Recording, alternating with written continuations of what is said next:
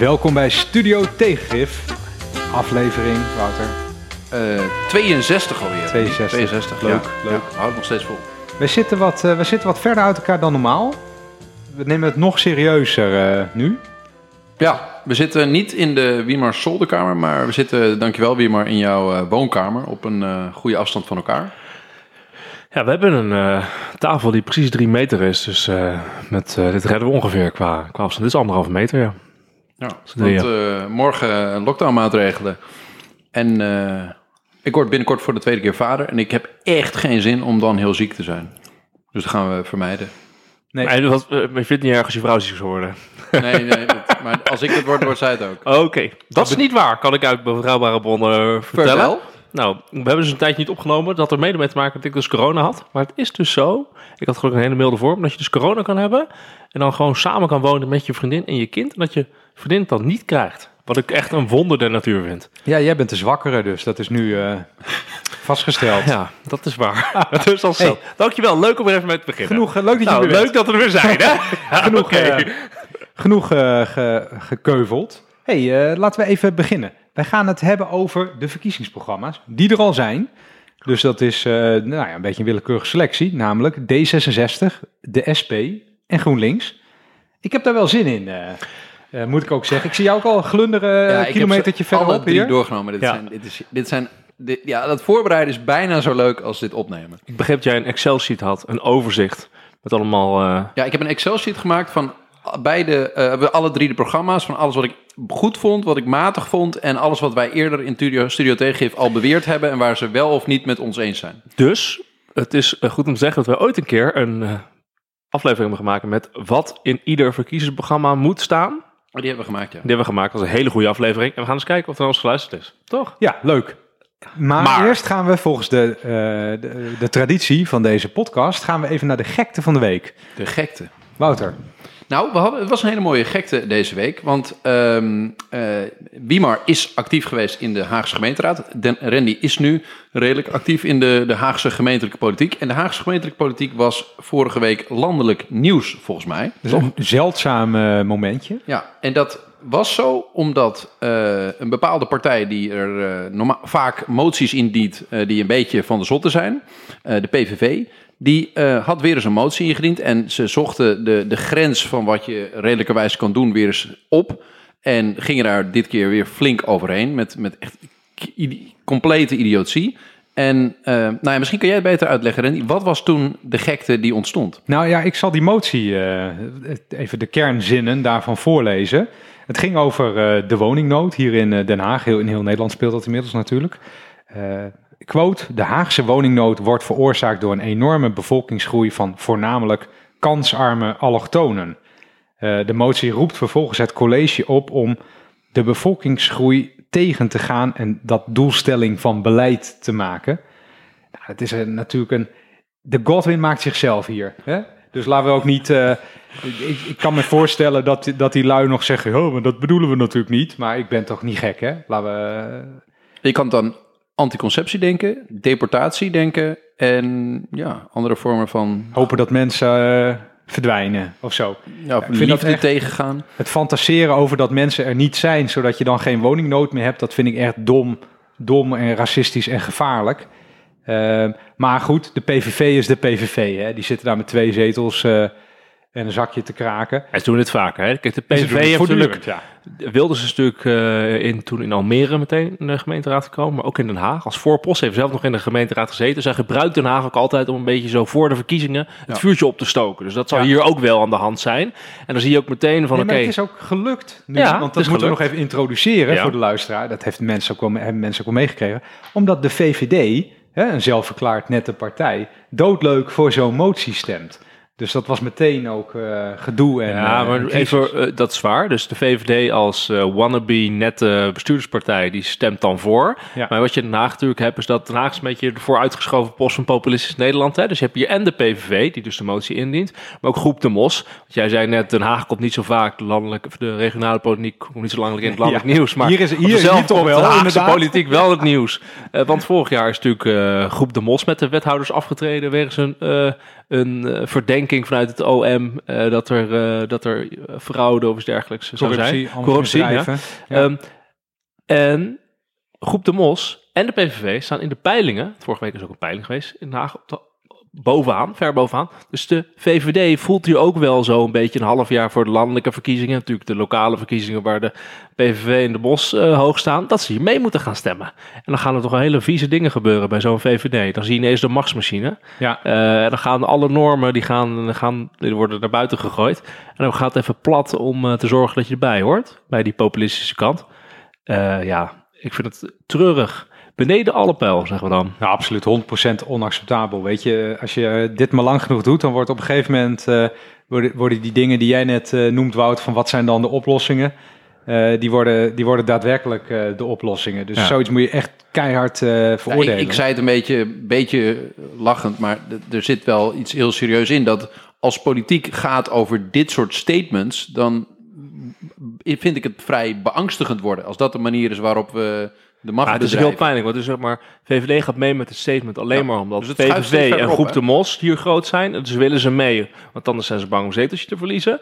Het is ook een statement van je gewoon 100% weet dat het totaal onwaar is. Want als je kijkt, de grote groei zit hier voor eh, experts en vooral trouwens, eh, als je kijkt naar arbeidsmigratie uit Oost-Europa die wel werken. Zeg maar. Dat is een grote groep van Den Haag. Maar het grootste probleem natuurlijk is gewoon dat er veel te weinig gebouwd is. En als er één partij is die de afgelopen hoeveel jaar hier altijd eh, heeft meegedaan met de stad in het college, is dat de VVD. Dus het klopt op geen enkel kant klopt het steunen van deze motie. Ja, het is het wel echt tergend, heel huigelachtig. huigelachtig, treurig, heel laag Maar- gewoon. En wat vinden jullie nou? Onder Moeten, moeten partijen die, eh, die zichzelf eh, eh, iets beter tot de feiten en de werkelijkheid verhouden en niet in een soort van marketing, propaganda wereld willen leven, moeten die hier hard over op de trom blijven slaan?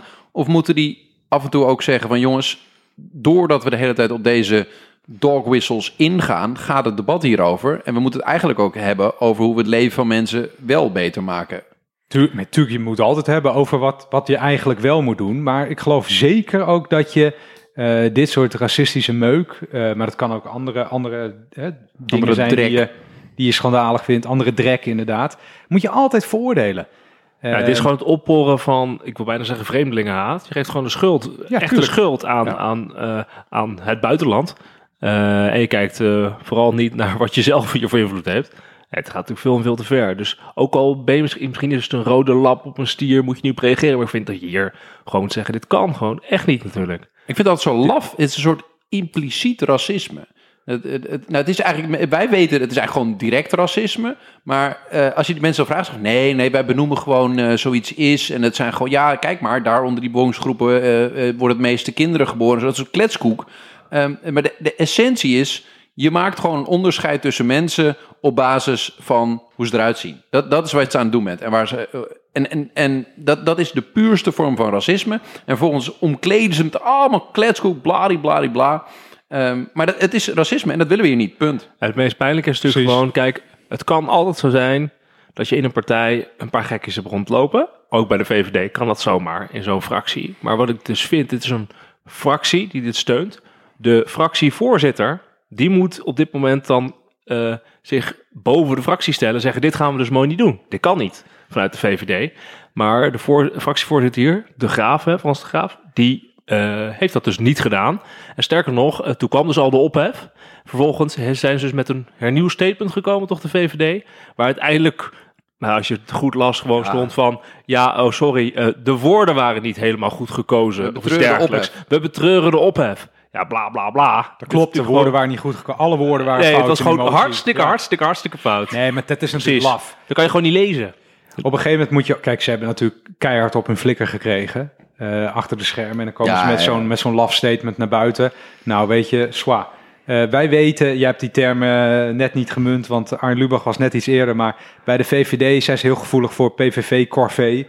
Volgens mij hebben ze bij de landelijke VVD inmiddels bedacht dat je alleen maar meer modder in het water roert als je voortdurend PVV-corvée doet. Hier in Den Haag lopen ze nog wat achter. Doen ze do- doodleuk aan mee. Ja, weet je, er is maar één oplossing. Eh, zolang politici zien dat dit electoraal werkt, heb je altijd zwakkelingen, zoals bij de VVD, die dit blijven roepen.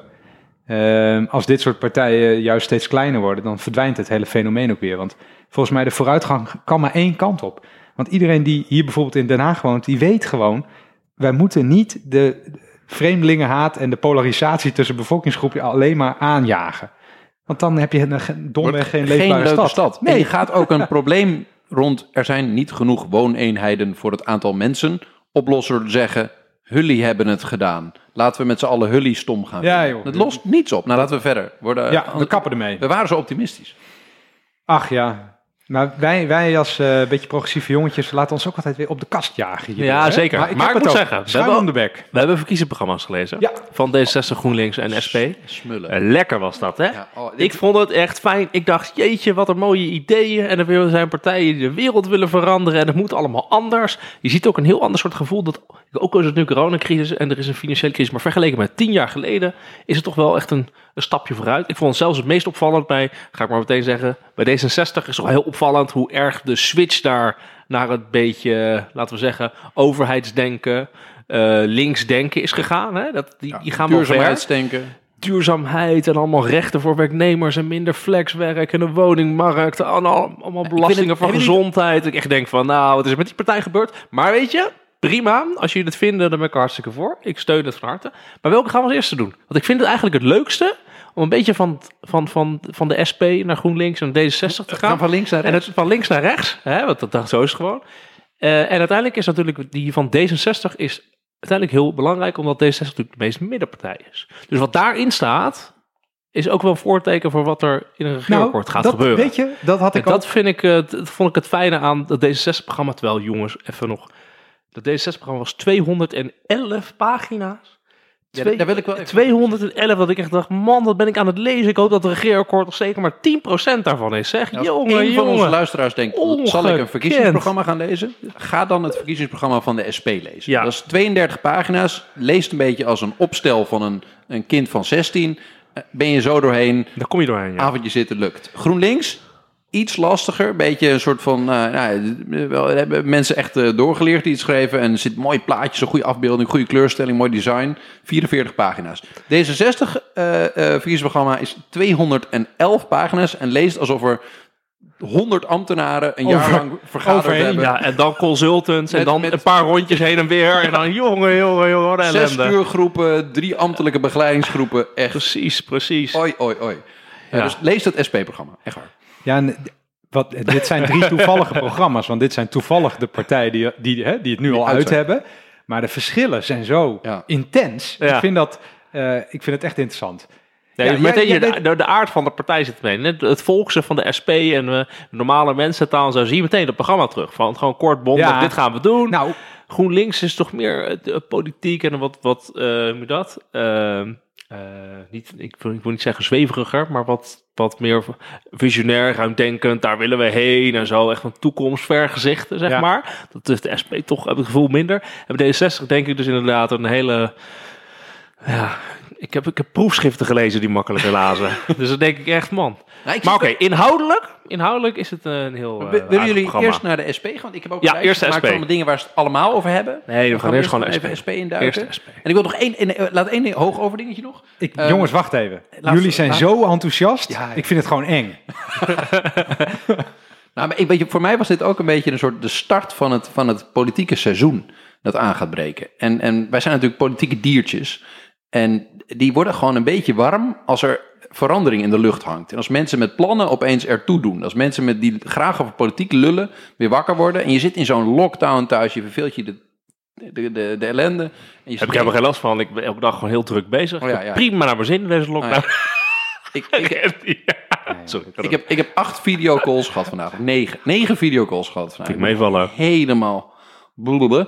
En dan is het gewoon leuk om, om geconfronteerd te worden met allemaal clubs die ideeën hebben over hoe de maatschappij mooier en beter kan. Dat En je werkt bij het ministerie of niet? Ja. Ja, hoezo? Hey, geno- genoeg, genoeg inleidend geleuter. Nee, maar- Eh, wij ik- gaan even met de SP beginnen. Ja. Het kortste programma. En wat jij net zei, Wouter, wat, wat, dat je neefje van 16 dat gemaakt had kunnen hebben of zo. Wat het zeg is je nou? taal. Een opstel. Ik vind het volstrekt onterecht wat je daar zegt. Ik, had bij, ik heb namelijk even, ik heb het gelezen Niet die 211 pagina's natuurlijk, niemand heeft dat... Nee, SP ooit- toch? Nee, maar ik bedoel, ik heb al die programma's gelezen.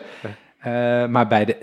eh, in, ik heb, vervolgens heb ik de inleidingen nog even opnieuw gelezen. Dus juist het stukje tekst wat heel veel mensen eh, overslaan om naar de concrete punten te gaan. En bij de SP had ik toch het meest het gevoel, hier word ik als volwassene aangesproken. Want bij GroenLinks was het heel erg, we gaan vliegen, hè? we gaan de bergen beklimmen. Heel veel hyperbolen, ook wel lekker, hè? geeft me ook wel energie. Bij D60 was het nou, allemaal staccato zinnen van, up, up, up, solid, nou, noem eens wat. Het, het, inhoudsloos, ik kan het ook daar niet herinneren. En bij de SP dacht ik, ja, wij gaan een daad stellen. Ja, Zo de titel, hè? ook. Stel Ja. een daad. Dat zegt ook veel. Ja. Gewoon, bam, oké, hier gaan we. kaken op elkaar, een stijve blik. En zij zijn ook helemaal... De toon van het programma begint al in de inleiding en die is er een van wantrouwen. Snap je?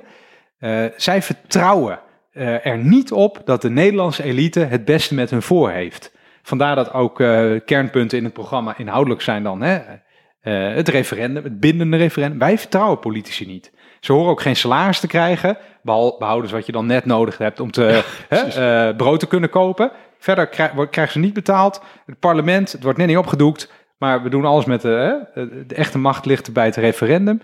En zo word je ook meteen heel serieus. En ik vind dat dus wel lekker, toegesproken, echt als volwassene. Ja, jij noemt het als volwassen. Ik, ik, wat ik wel mooi vind, is het, zijn, het bevat allemaal hele harde termen. Dus het beschrijft bijvoorbeeld in de, in de inleiding van... de markten blijken onze problemen niet op te lossen. En dan in, in koeienletters heel dik gedrukt... het bleek niet waar.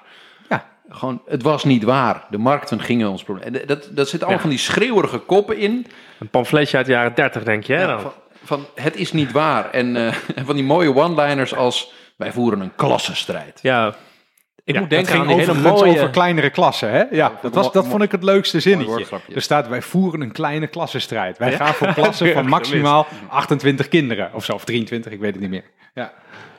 Eh, nee, dat is echt het is mooi activerend. ehm, maar de, als, als, jij bent ook ambtenaar geweest, Randy. Als het gaat om concreetheid, dan moet je niet bij dit programma wezen. Nee, Dus dat klopt. hoog over, we gaan ongeveer die kant op. Kom met ons mee, pak je hooivork en we gaan aan de slag. Het is een waardeverhaal, zeg maar. Het is een waarde van de, dit willen we, maar, maar het is niet eh, feitelijk of qua uitvoerbehoud weet je, weet je niet. Kijk, Rennie zegt altijd, als je dingen op kan schrijven, dan kan het, hè. Maar dat vraag ik me wel af bij dingen die Ja, hierbij dat- SP staan. Nee, dingen. oké, oké. Maar ik vond deze zin, vond ik wel, dit is even maar alles, natuurlijk gewoon de zin. Wat ons betreft hebben de multinationals veel te veel te vertellen en de mensen veel te weinig. Dat is eigenlijk wat er door heel het programma zit, hè. Dat, Ja. die, die verschuiving. Daar ben ik het wel mee eens. Ja, hè? kapitaal, kapitaal tegen de mensen. Nee, maar weet je waar zij een compliment verdienen? En ik, heb, ik kijk bij alle programma's straks zo hoor, dat zul je nog wel merken. Ik probeer gewoon het goede in zo'n programma te zien. Zij trekken bij de SP de logische consequentie uit wat zij vinden. Zij hebben bepaalde opvattingen over democratie en zeggenschap en eh, hoe de economie moet zijn. En da- daarom zeggen ze, wij moeten uit de euro. Ja. En er is geen andere Nederlandse partij bijna, behouden ze echt de, hè, de, de gekkie clubben, zoals de PVV, die, eh, die ook naar het, naar het logische eindpunt van hun, eh, van hun eigen logica willen gaan. En dat, doen klopt. zij wel. Ja, Dat klopt. En ik goed. vind nog even een paar kleine dingetjes die ik ook altijd mooi vind. Kijk, deze opmaak van het verkiezingsprogramma heeft de SP al best wel lang. Dat ziet er eigenlijk altijd op deze manier een beetje uit. Dat weet ik echt. want Ik heb eerder SP-programma's gelezen. Maar het mooie vind ik dus dat aan de... Gaan we het nou over de opmaak hebben? Ja, ja, ja. Want dat zegt iets. Namelijk, als je het leest, elke regel heeft een nummertje. Een dus je kan links zie je cijfertjes. Dus dat betekent ook dat je dus als, samen erover kan praten van... ja, op regel 5 vind ik dit en dit en dit. Zou het aangepast moeten worden. Dus het Ja, ook dat- zeg maar, geschreven ofwel voor oude mensen... die niet snappen wat alinea's is... en dan kan je zeggen, ik weet regel 5. Kan je daar zo- Of iets voor, eh, voor een democratie, voor, voor een congres. Weet je, dat, dat- dingen kan Ja. aanpassen. Eh, dat vind ik gewoon mooi om te zien. Dat, dat, dat, doen, ze, dat doen ze altijd. Eh, wat ik ook, is weer heel klein. Er zit wel een spelfout in, hè? Voorwaard, stel en daad, stem SP. Dat is een gewoon fout. En dan de zin daarna, die vind ik dan wel heel mooi. Waar, wat, hè? Wat? Ja, nu kan ik het goed zeggen. Dus, dus pagina 8 en dan regel 12. Pagina 8, regel 12. Kijk, daar is dat hier dan voor, hè? Daar is ik dat heb, nu heb ik spijt. Dat ik vroeg. precies. en, dan op pagina, en dan op pagina 8 en dan regel 14. De SP heeft over bijna alles een standpunt. Dat vind ik ook wel mooi. Dat ze gewoon niet al te, niet al te overdreven. Ze blijven zichzelf. Nou, zijn gewoon dingen waar ze geen dat- standpunt over hebben. dat en dat snap ik, want als je dat wel- hebt, dan maak je een verkiezingsprogramma van 211 pagina's zoals D66. Dat bijna maken ze wel redelijk waar, want over heel veel dingen waar ik op zat te zoeken hebben ze inderdaad geen mening. Ehm, maar zal ik er eerst een paar Ja, pa- ja, pareltjes ja, uit inhoud, eh, inhoud, te, te, te liften, die, die ik heel mooi vond. En dat, dat, dat heb, doe ik toch even een beetje in, in vergelijking. Ehm, bijvoorbeeld, eh, als je het minimumloon. Wij hebben eerder in onze eerdere podcast kwamen we over het minimumloon. De, veel partijen, in ieder geval al deze drie partijen, willen het minimumloon omhoog. En als je dan kijkt bij D66, die zeggen we verwogen het minimumloon tenminste 10%. Als het effect op de werkgelegenheid ertoe verlaat, verwogen we het minimumloon met 20%. GroenLinks zegt, op termijn verhogen we het minimumloon naar 14 euro. De SP zegt, minimumloon naar 40 euro. 14, euro. 14, ja. 14 euro.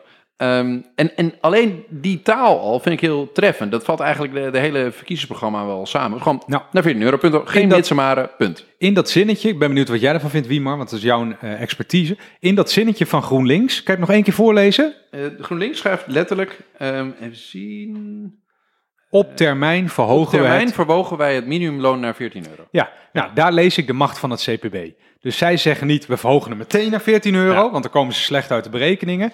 Dus dan gaan ze heel laf, Ja. gaan ze zeggen, op termijn... Ze, ze willen het in stapjes doen, op termijn. Dus niet meteen naar 14, maar in stapjes. Het einde van de kabinetsperiode, misschien over maar 10 wat is jaar naar dan, 14 morgen euro. of over ja, een dat, jaar? Nee, dat, nou, dat, dat laten ze dus expres. In het Eh, midden. In het midden.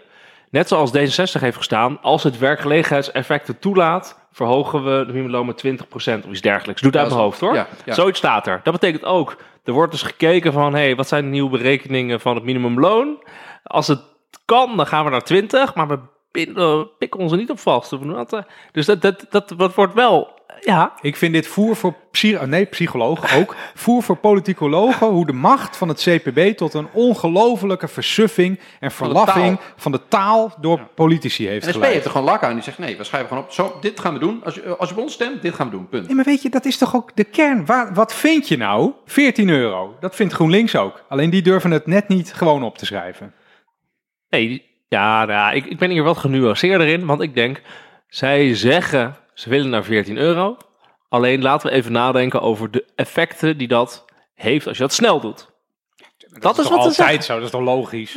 Ja, oké, maar ze willen niet dat straks iemand tegen ze zegt: Ja, maar je had toch gezegd in het verkiezingsprogramma dat je het volgend jaar naar 14 euro wil zou doen? Nee, dat zeggen ze. Nee, nee, nee. we- Even Nou. wel nadenken of dan niet ineens een soort, niet ineens massawerkloosheid Nee, maar dit zou ik dan ook in het, in het schema eh, ouder-kind willen trekken. Van, als jij toch, of volwassene kind willen trekken. Hè?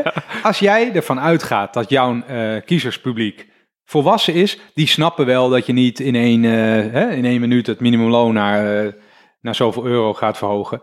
Dus je, je, je dekt je al in op manieren die gewoon helemaal niet nodig zijn. Maar uiteindelijk weet iedereen GroenLinks naar 14 euro. Aan de andere, weet je waar ik me verbaas? Waarom zegt SP 14 euro? Die is- SP zit als het ware aan de, de randen van wat we eh, vinden. Als het ware. Aan de ene kant van het spectrum, aan de uit, het uiterste. Waarom zeg je niet gewoon, joh, minimum 20 euro, fuck it. Nee, maar dat, Ja, maar dat is echt, dat is zo, dat is zelfs voorbij de FNV. Hè? Dus FNV is natuurlijk een campagne voor 14 euro. Dat is 40% verhoging van het als- minimumloon. Dan kan je niet. Ja, dat, Links en dat D66 vinden het ook. Waarom zeggen ze niet van, jongens, wij moeten even... Nee, omdat ze, al, omdat ze zo wat anders hè? zeggen. Hè? Dus dat de nuancering is dat SP het dus meteen wil.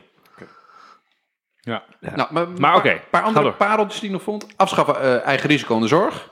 Ehm, helemaal. Eh, Nationaal Zorgfonds gemeente eh, geneesmiddelen. Dus alle geneesmiddelen vanuit publieke handen middelen ontwikkelen. Ehm, eh, verplichte winstuitkering voor werknemers bij bedrijven. Ehm, eh, verplichte stem voor werknemers bij grote bedrijven. Ehm, eh, en de werknemers kiezen de helft van de commissarissen bij beursgenoteerde bedrijven. Ja. Eh, nou, de dat, vond ik, dat vond ik nou uitermate concreet en nuttig. en dat vond ik ook interessant. Ik noem, dit zijn echt de punten waarvan ik dacht, joh, eh, lekker bezig. Ehm, eh, wat ik ook mooi vond, een wettelijk minimum aan het aantal externen eh, die de overheid inhuurt. Dus eh, weg met al die consultants, heeft de SP ook niks mee. Ja, dat is grappig, want eh, vroeger in de gemeenteraad van Groningen, dit was echt al altijd een punt waar de SP mee kwam. Ja, ze zijn heel constant daarin. En ergens past het, ik kan het niet helemaal goed onder woorden brengen, maar het past ook goed bij hun manier van denken. Dus die ambtenaren, die moeten gewoon zelf die domme rapporten schrijven. Vakwerk. Ja, gewoon eh, goede mensen aannemen, die moeten gewoon goed werk doen. En niet allemaal die gladde jongens met de kuifjes en de, de, de pakken en de blauwe pakken naar binnen halen om voor veel te veel geld een of ander legitimatierapport te schrijven. Dat past zo bij de SP. Ik, beter kan ik het niet uitleggen. Nee, ik, ik vond het ook. Ja, dit- ik denk dat veel eh, mensen die naar luisteren dit best herkennen. Dat, dat, maar, maar er zijn geen partijen die het zo duidelijk durven opschrijven. Van hup, wettelijk minimum aan het aantal externe. Gewoon. Nou, misschien past dat wel bij hun dapperheid. Zij zeggen gewoon, wij zijn er tegen, oké, dan bam. Stoppen met die onzin. Eh, het sociaal werkbedrijf willen ze weer eh, oprichten. Het sociaal ontwikkelbedrijf noemen ze dat. Eigenlijk is het gewoon eh, een herintroductie van melkbanen. Ehm, eh, en ja, het, het Nationaal Zorgfonds, dat vond ik wel een hele spannende. En dus alle noodzakelijke zorg wordt gratis voor iedereen. Is eigenlijk waar ze vanuit gaan. Dat, dat vond ik wel een aantal spannende punten. Ik heb ook een heleboel waarvan ik denk, goh, hoe ga je dat in vredesnaam waarmaken? Ehm maar dit vond ik wel de, de interessantste. Wat had jij nog Bij de SP, ja. meer SP-love? Eerst wie maar even, want ik ben niet Mag ik een, eh, mag ik een, eh, een, een, een overheidsfinanciën ding eh, noemen? De SP zegt dus dat ze na deze kabinetsperiode, na één kabinetsperiode, begrotingsevenwicht willen. Dus de SP zegt dat ze dus geen tekort meer willen, als ik het goed begrijp, ehm, aan het einde van deze kabinetsperiode, dus in 2025. Dat is snel hoor, dat is echt heel snel. Ik vraag me af of de SP doorheeft wat ze daar zeggen, want dat betekent, als ze dat daadwerkelijk willen gaan nastreven, dat ze fors ehm, moeten gaan bezuinigen of de lasten moeten gaan verhogen, als ze echt eh, een, een evenwicht willen bereiken in 2025. D66 wil dat niet. Terwijl D66 dus een eh, so- sociaal-liberaal, in ieder geval economisch gezien de rechtse partij is. In het verleden juist altijd eh, strakker was op de overheidsfinanciën. En die willen altijd een tekort houden. Ehm, GroenLinks week zo 1, 2, 3 niet. Er stond volgens mij niet zoveel in over het tekort. Nee, er stond niks in over het tekort. Alleen over wie de belasting moet betalen en zo. Maar ik vraag me af of de SP hier eh, weet wat ze eigenlijk hebben opgeschreven. Aan de andere Eh, kant, dit is de ene want- pagina van SP die gaat over, die heet ook Zo gaan we dat betalen. Nou, dat is sowieso interessant. Als je, de- naar deze, als je dus naar deze verkiezingsprogramma's kijkt, dan is de financiële bijlage van elk van de verkiezingsprogramma's heel beperkt. En dat Nou, komt natuurlijk ook- omdat ze alle drie zeggen, we gaan verkiezingsprogramma laten doorrekenen door het Centraal Planbureau. Dus wat er vooral staan, is algemene termen als begrotingsevenwicht, willen tekort, de lasten worden, bij eigenlijk al deze. Hè, ze zeggen allemaal dat we de lasten willen gaan verhogen voor bedrijven. En voor vermogende mensen en voor rijken. En de TGA's, waar we ook over hebben gehad. En Boxveen moet ook meer gaan betalen. directeur, groot Directeur, aandeelhouders. Eh, er moet milieuvervuiling moet meer belast gaan worden. En er moet een lastenverlichting op arbeid komen. Het zijn alle standaard belasting, hervorming, ideeën die er wel leven.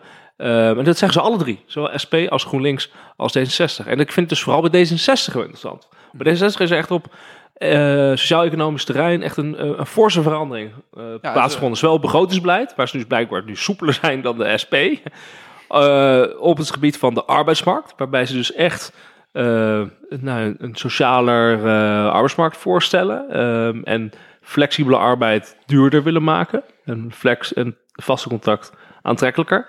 Ehm, dat zijn echt wel eh, grote verschillen. En ook dus bij belastingstelsel. eh, kapitaal meer belasten, vermogen meer belasten. Dat is niet, zijn geen dingen die D66 van oudsher eh, deed. Maar dat vond ik dus opvallend van de, SP.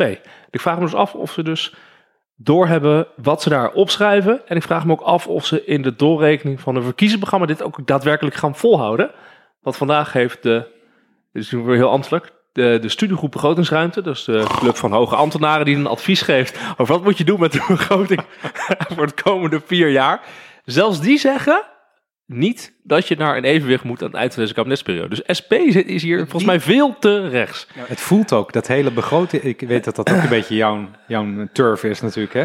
Dat hele overheidsfinanciën ding, het voelt zoveel minder relevant dan een poosje geleden. Het komt ook omdat je nu een minister van Financiën hebt die juist verslaafd lijkt aan het uitgeven van, eh, van geld. Dus ik snap, ja, ik snap wel dat partijen daar verder niet zo op ingaan. Ja, maar ik vraag je ook af waarom de, de SP er dan niet goed naar eh, ik snap, kijkt. het niet, ik snap niet van belangrijk dit voor zinnetje niet hoe dit in het rest van het programma past. Ik denk Nee. dat- het ik denk dus ook niet dat dit in de, in de doorgerekend verkiezingsprogramma van de SP dat het gerealiseerd gaat worden. Want het is dit, de allerlaatste zin ook. Ik denk dat gaan het ze- ingeslipt ik denk dat die, ja, of ze maken er een uitzondering van met, eh, oh nee, ik bedoel toch de kabinetsperiode daarna, of het is eh, ge- gecorrigeerd voor de conjunctuur, bla bla bla. Dat boeit maar helemaal niet, boeit helemaal niemand. Eh, SP, Randy, wat heb je nog meer gevonden? Nou, ik zag wel een paar leuke dingen. Eh, die stonden ook gewoon eh, in de top 10 van belangrijkste punten. Dat vind ik ook altijd leuk, eh, wat, wat partijen daar dan neerzetten.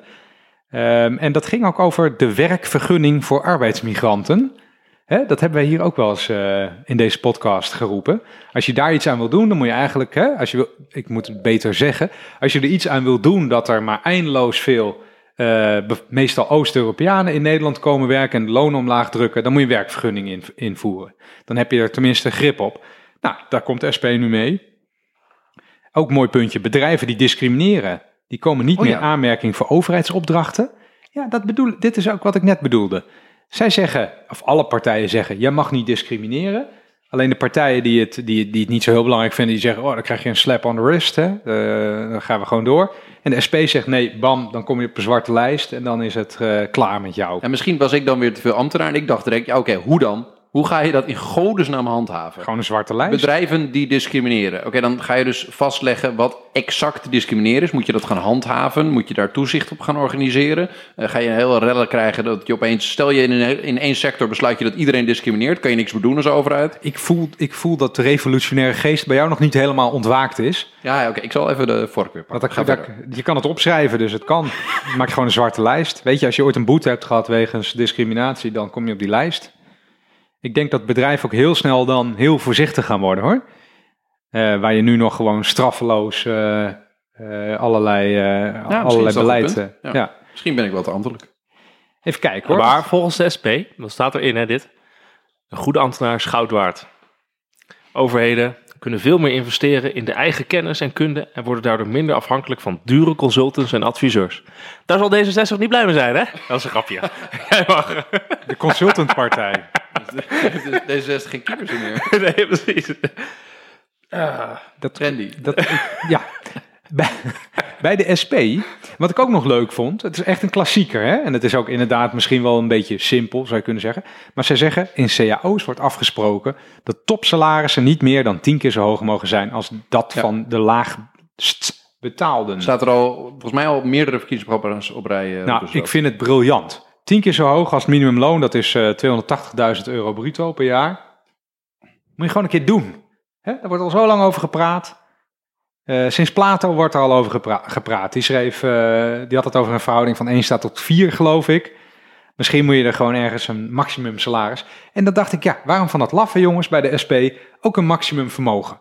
Gewoon 1 miljard, of weet ik veel, 20 miljoen. Laten we ook... Daar hebben ze inderdaad... En gewoon klaar. Nee, maar ik, ik miste wel dat gewoon op het eh, dat hele verhaal van die 400 miljard eh, uit box 2 van die directeur grote aandeelhouders, die laatst opeens teruggevonden was op financiën, van joh, dat is nog, de SP, die, die leest dat soort rapporten gewoon niet. Die letten niet goed op van, joh, waar zit nou echt nog vermogen, hoe werkt dat precies? Eh, Ja. Dat miste ik een beetje. Van, Daar ben ik met je eens. Je ziet dat D66 leest die rapporten allemaal. Ja, die leest en die al die ambtelijke er allemaal in. Ja. Eh, je ziet het bij GroenLinks ook dat het gelezen wordt. Bij, bij eh, SP mist dat inderdaad. Nou, dat, Dat- dat, dat- heeft, dat heeft ook te maken met het volgende. Als ik het D66-programma lees, dan lees ik echt de teksten heel duidelijk van mensen die gewend zijn om invloed en macht te hebben. Hè, er gaat er vanzelfsprekendheid vanuit dat wij over één jaar, over twee jaar, over tien jaar, over vijftig jaar zitten wij nog steeds aan de knoppen. Dat proef ik tussen de regels door. En bij de SP proef ik precies het tegenovergestelde. Daar proef ik juist het wantrouwen van mensen die al heel lang Ja. niks te vertellen hebben in Nederland. Ik proef bij jou wel sympathie daarvoor. Tuurlijk, ja. Met dat, ehm, ik snap niet hoe je anders, anders kan zijn dan dat je sympathie voor de underdog hebt. Nou, ik, heb ook, ik heb er ook sympathie voor. Ik heb ook in sympathie toch wel gewoon voor dingen als winstdeling. Dat werknemers moeten delen in winsten. Vind ik een heel goed idee. Daar hebben we eerder over gehad in deze podcast. Denken van ja, het is altijd zo. Nu ook weer dat, dat de werkgeversclubs zeggen: Oh ja, het is crisis, we moeten de lonen kunnen verlagen. En als het goed gaat, heeft de AWVN nu gezegd, dan gaan die lonen wel weer stijgen. Nee, dat is helemaal niet waar. Dat hebben we juist de afgelopen jaren gezien. Dat gebeurt dus niet. De lonen stijgen niet als het goed gaat. Dat vind ik dus mooi dat je zoiets als winstdeling, vind ik, vind ik eigenlijk vind ik gewoon goed dat het gebeurt. En je weet ook dat goede bedrijven doen het ook echt, hè. Zijn gewoon grote bedrijven. In heel veel gewoon- bedrijven is dit Heel veel normaal. bedrijven is het, Ja. is het normaal. Dus je kan natuurlijk ook eh, dit invoeren. Ik, ik, en ik vind het goed. Ik ben, eh, ik, ik ben het eens met, met Randy. Overigens, dat er een digitax moet komen. Ja. Dus een belasting op, eh, op platforms, eh, Facebook, Google, noem het allemaal op. Dat staat eigenlijk in, al, in elk programma. GroenLinks, D60, Ja. SP, staat er Ja, overal in. Europees wordt het nu ook voorgesteld door de Europese Commissie. Het gaat, eh, gaat er komen. Eh, Ik weet nog niet wat de vormgeving is, maar gaat iets gebeuren waardoor we geld gaan krijgen van, eh, Van de grote bedrijven. Ik denk dat eh een idee is om de reclameinkomsten of zo af te romen. Zoiets, als je een percentage betaalt over, over reclames, Nou, advertenties. dit, dit is Ja. een beetje mijn vak, dus ik dacht direct weer van, jongens, hoe dan? Schrijf dan op. Hè? Wat denken jullie nou, daarvan? door reclameinkomsten moet je percentage afvragen. Nou, dan gaan we een uur hierover praten. Het is goed dat het erin staat. Ik wil het nog even over één ander dingetje hebben, waar de SP zich voor mijn gevoel in onderscheidt. Maar het programma van eh, CDA en 50PLUS eh, moet ook nog komen, namelijk ouderen. Oh, weet je. Nou ja, eh, 65. het, het, het zorgbuurthuis, Oh ja. dat is een nieuw woord. En dat betekent eigenlijk het bejaardentehuis wat in je buurt staat. En wat ik verbazingwekkend vind in Nederland, we hebben het heel, Nederland hebben een obsessie met eh, Marokkanen bijvoorbeeld. En met sommige dingen hebben we een obsessie. En met andere dingen hebben we het nooit over. Eh, en ouderen is eh, iets waar we het ongelooflijk weinig over hebben. Die proberen we het liefst zo te negeren. En daarom heb je ook Omroep Max en 50 plus, want die voelen dat ook. Wij worden gewoon genegeerd. En vooral hoe wij omgaan met mensen die echt oud zijn. Ik herken Dus- me nog niet helemaal in dit verhaal. Moet. Nou ja, de coronacrisis bijvoorbeeld. Hè? Er waren te weinig mondkapjes. Hup, geen mondkapjes in verpleeghuizen. Laat die mensen maar doodgaan. Dat was echt een beetje de teneur. En de media schrijft er niet over. Ik denk, als, je, als het over jou zou gaan, Wouter, dan zou, je, dan zou het je gaan opvallen. Het gaat niet over mij, dus eh, wat dat betreft is een gekke opmerking. Maar dan zou het je opvallen hoe weinig ophef er is. Dat, eh, dat er gewoon maandenlang zonder mondkapjes is doorgewerkt in die verpleegtehuizen. En dat dat virus daar ongelooflijk heeft huisgehouden. eh, en dat het niemand kan schelen. En, maar dat is maar een voorbeeld. Waar de SP dan mee komt, is het zorgbuurthuis dus. Oud worden in je eigen buurt. Alle ouderen willen dat. Eh, je moet een oude plant niet verkassen. Dat soort dingen zeggen ze ook allemaal. Hè? Of je moet een oude boom niet verpoten. Ik weet niet eh, eens wat het eh, spreekwoord is. Maar dat gebeurt in Nederland wel. Op een gegeven moment dan takel je af. En dat is denk ik een belangrijke factor in waarom veel mensen op een gegeven moment zeggen... nou, maak mij maar dood. Als het te erg met ja, mij gaat. dat mag dan weer niet. Ja, ja, want je wordt weggehaald uit je eigen huis, je wordt weggehaald uit je eigen buurt, uit je eigen wijk. Overal waar je mensen kent, lig je ergens in een van een verpleegtehuis, eh, heel ver weg van je familie. En dan lig je eigenlijk alleen nog maar om dood te gaan. Hè? Want dat is alleen voor de laatste paar maanden. De gemiddelde woonduur is daar superkort. Ja, de SP heeft daar oog voor. Dus ik denk dat daar wel wat zit. Ook electoraal voor hun. Ja, denk het ook. Ik het ook. Mogen we nu ook weer nieuw doen? Dingen door in, ik, ja, ik heb niet de Ja, ja, behoefte om enorm te reageren, maar wel, Nee. ik ben het je eens. Ja. Eh, ik wil het ik- hebben over, eh, over het eigen risico. Ja, afschaffen toch? Ja, maar ik ga meteen toch even een doorkijkje maken naar de andere programma's. Er staat iets heel belangrijks in, in alle die programma's, over het eigen risico. Over de nominale premie voor, premie voor zorgverzekeringswet. Dus gewoon de premie van 100 nog wat euro die je per maand betaalt voor de zorgverzekeringswet aan de verzekeraar. En over de zorgtoeslag. Staat in alle drie de programma's. Namelijk, de SP zegt we gaan het eigen risico afschaffen. Gaat naar nul. Maar GroenLinks zegt we gaan het eigen risico verlagen. En D66 zegt, en dat is dus belangrijk, want D66 is volgens mij een wiebelpartij voor de komende regering. Hè? Die zegt, we gaan het eigen risico aanpassen. Want je betaalt nu, gaat maximaal een kwart van de kosten van elke behandeling betalen.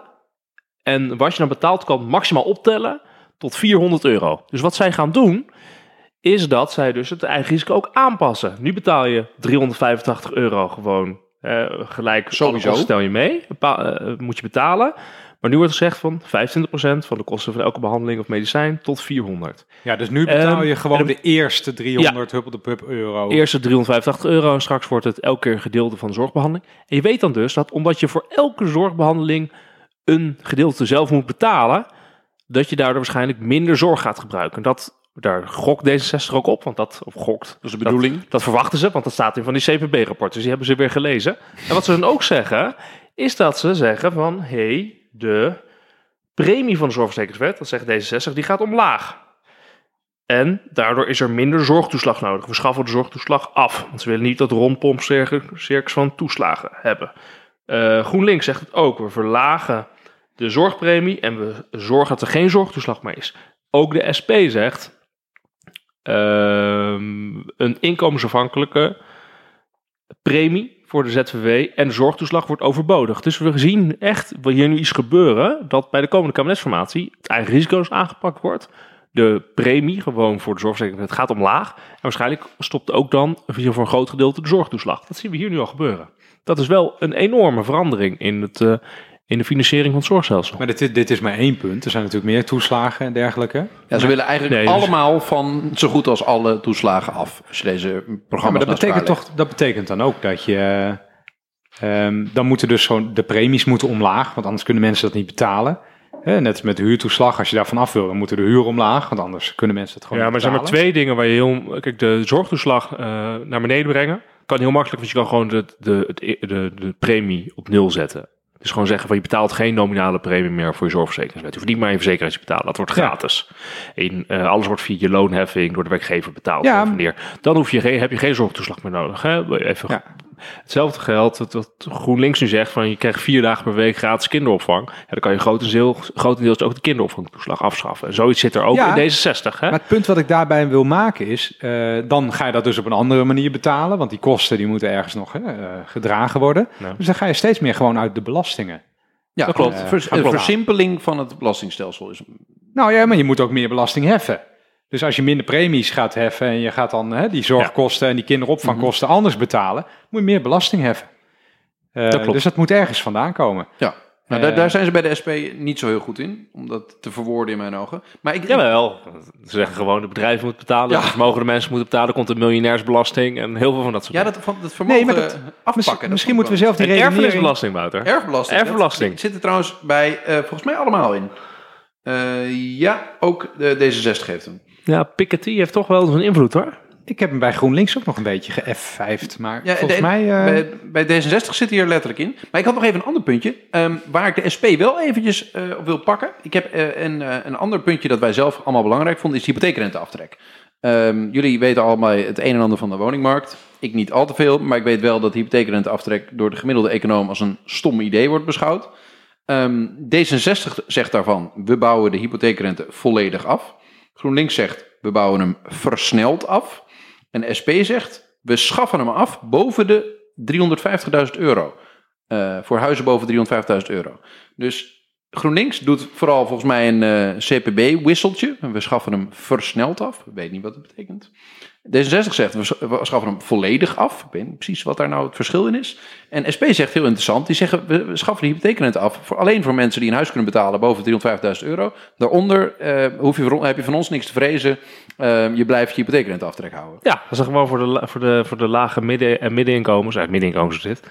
Eh, ge- geven ze, nog, eh, ze de huizensubsidie erop, ja. Ik had echt een intens déjà vu gevoel. Zei je nou gewoon twee... Je zei gewoon precies twee keer achter elkaar hetzelfde. ja. Jullie waren zo eh, ademloos aan het luisteren. Nee, maar jij, kan zo, je hebt zo'n mooie stem. Ja, dankjewel. Je kan zo mooi voorlezen. Vind ik. Maar ik, wat is nou jouw punt? Is jouw Nou, punt ik- dat jij ik vindt dat de SP... Ik dat zou dat, niet, waarom schrijven ze niet gewoon op, joh, we schaffen de hypotheekrenteaftrek? Bij al die andere dingen ja, zijn ze zo ik dat, dat leg ik je net aan. uit. Omdat als je tot 350.000 euro eh huiswaarde dit in stand houdt... dan geef je dus, zeg je dus eigenlijk mensen tot een middeninkomen met een huis... die krijgen gewoon nog wel eh, eh, de hypotheekrenteaftrek. Dus die, die spekken we in koopkracht. Die hoeven niet te vrezen. Dus alleen de hoge inkomens, nou, met de daar- hoge Daar huizenwaardes... zit, daar zit wel een gaan- punt achter, want dat zie je ook terug als ze iets over woningcorporaties schrijven. Oh, die moeten van de bewoners zijn. Ja, ik zal het even voorlezen. Niet bestuurders, maar huurders krijgen het voor het zeggen bij de woningcorporaties. Eh, dat betekent dat ze weer verenigingen van woningcorporaties willen maken. Dat waren veel, de meeste, of tenminste veel, eh, woningcorporaties vroeger ook. En dat betekent dat mensen die daar huurden, nou, die konden echt naar de ledenvergadering komen. En dan ging gestemd worden over investeringen en huurbeleid en eh, dat soort dingen. Ehm, dus daar zit, een, daar zit ook wel een soort filosofie van zeggenschap achter. En ik snap dan ook wel dat je mensen, ook met een kleine beurs, wil helpen om een eigen woning te kopen. Want anders ben je namelijk, en dat is toch SP-electoraat zonder hè, eh, daar flauw over te doen. Mhm. Anders ben je veroordeeld tot de woningcorporatie. Eh, dus en dan heb je geen enk, daar kan je nergens heen. Hè? Dat is iets wat Adrie Duivestein, ook Ja, eh, bekend eh, op dat veld, ook altijd zegt van ja, maar anders zijn mensen met een kleine beurs zijn hun leven lang aangewezen op die woningcorporatie. Eh, en die hebben dan helemaal geen keuzes, want het vrije segment is veel te duur en die koopwoning is buiten bereik. Dus eigenlijk zeggen jullie, ze doen waar de hypotheekrenteaftrek ooit voor bedoeld was, namelijk het stimuleren van woningbezit onder eh, de middenklasse. Tot, tot, ja, tot dat was het doel. En dan slaat het nergens op om mensen die een huis van een miljoen Nee. hebben dat te bieden. Nee, ze zeggen Nee, gewoon iedereen die een huis heeft van meer dan 350.000 euro, WOZ-waarde, die, eh, die is gewoon Die rijk genoeg nodig. Om, eh, die heeft, die heeft geen uh, hypotheekrenteaftrek nodig. Dat vind ik eh, vanuit inkomensafhankelijk denken, natuurlijk, eh, progressief denken, vind ik dat te begrijpen vanuit de SP. hey, Zeker. zullen we naar het volgende programma? Ja, laten we naar Ja, ja, GroenLinks. ja, ja. Goed. GroenLinks. Ik heb hier ook een soort enorme Tijd stand voor een nieuw realisme. waarbij Ja. de lettertjes ook groen zijn. Dat is ook heel wat anders. Hè? Dus het, dat zegt ook eigenlijk van. Dit is misschien een beetje flauw. Dus SP was eh stellend daad. Hè? Van krachtig en zo. En een beetje ja, tegen. we pikken het niet meer. We pikken het niet meer. Precies. We, pikken het niet meer. Is GroenLinks Dat eigenlijk van. de titel moeten zijn. Tijd voor een nieuw realisme is eigenlijk van. Normaal gesproken dromen we. Maar nu. een nieuw realisme. Weet je, het voelt Oh, nee. ook een beetje. Ik lees dat echt anders. Ja, ik heb het? het gevoel dat zij zijn natuurlijk heel lang als een soort dromerige idealisten weggezet. Ja. Eh, dat hebben ze ook zelf wel in de hand gewerkt bij tijd. Maar als je nu realistisch bent, en daar ben ik het helemaal mee eens, dan doe je iets aan het klimaat. Want anders eh, hebben je kinderen straks geen leven meer op deze planeet. Zo, zo nijpend wordt dat probleem duidelijk. Dus wat zij willen, dat is realistisch. Eindeloos economische groei, dat, dat, zijn de, dat zijn de mensen die hun ogen sluiten voor de realiteit. Dat zijn de gekkies. Nou, ik denk, ik zie het juist als van eh, nieuw realisme is ook van, eh, oké, wij als GroenLinks eh, laten nu de tijd achter ons dat we een beetje radicale oppositiepartij waren en dat we aan het dagdromen waren en nu willen we de regering in. We worden Ja, dat realistisch. Ja, dat, dat Dus is zo, ook bedo- zo. zo Ja. bedoel ik het. Hè? Jullie zijn het dus, eens. eh, en ik denk dat jij gelijk hebt, want alle andere partijen gaan ook steeds meer op die van, de, alle verkiezingsprogramma's gaan steeds meer op die van GroenLinks van vroeger lijken, ik wou- qua klimaatbeleid. Hè? Dus GroenLinks ha- had natuurlijk gewoon gelijk. Ik had even een leuk vergelijkingspuntje, wilde ik aan het begin al maken, maar toen moesten we snel naar de SP. Ik denk dat het programma van GroenLinks en eh, D66, die mensen hebben of met elkaar gesproken, of een keer een conferentietje te gehad met elkaar, of ze zijn gewoon hetzelfde. Er zijn een hele hoop punten waar gewoon letterlijk hetzelfde in staat in deze programma's. Soms net in andere woorden. Maar ik heb even een. De punten zijn soms zo specifiek waar ze op hetzelfde uitkomen. Zoals ze willen allebei schoolfruit. En dat, vind, dat benoemen ze als. Eh, goed, kinderen hebben recht op een goede lunch op scholen. Eh, ze willen allebei statiegeld op blikjes. Ze willen allebei een overheid die zelf alleen maar duurzame energie inkoopt. Schrijf ze ook letterlijk zo op. Eh, ze willen allebei de kinderopvang gratis hebben. En ze willen allebei een vleestaks waarbij de kosten, de ware kosten van vlees doorberekend worden richting de consument. Nee toch? Ik dacht het GroenLinks, heb ik niet goed gelezen. Ik dacht het GroenLinks alleen groente en fruit goedkoper maakte. Ik dacht niet dat ik had gelezen dat er een vleestax wilde. Ik had wel gelezen dat D66 een gebruiksbelasting op vlees wil invoeren. Dus dat is een reframe van een, geen vleestaks, maar een Ze gebruiksbelasting. willen een vleesprijs invoeren waar alle kosten van vlees worden, in worden doorberekend. En als dat geen vleestaks is, dan... Nee, dat is geen vleestaks. Dat is een- ook een reframe van vleestaks. Want dat betekent, niet dat, je, dat betekent dat je dus niet een belasting op vlees doet, maar dat je zegt, eh, vlees moet minstens zoveel opleveren qua prijs. Dus je moet er zoveel betaald krijgen. Dat shit. zou ik zeggen. Dan zit ik in dat taxframe van alles wat be- betalen is tax noemen. Want Eh, ik zag heel erg bij allebei de programma's, ze willen iets doen aan minder vlees eten Mhm. en meer fruit en groente eten. Maar ze willen nergens opschrijven dat ze een vleestaks willen, want dat is, dat is te vervelend om zo te noemen. Dus D66 noemt dan gebruiksbelasting en ik zag inderdaad een soort van vleesprijs bij Ja, GroenLinks staan.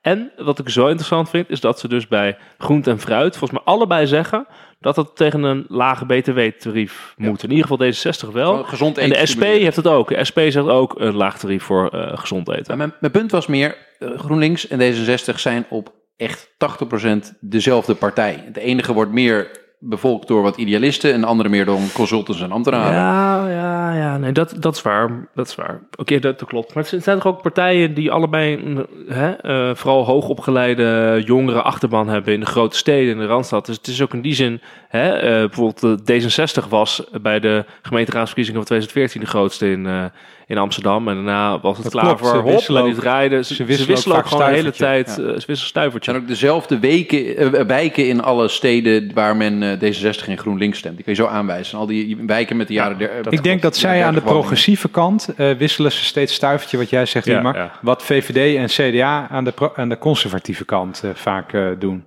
Wat vond jij interessant, Randy?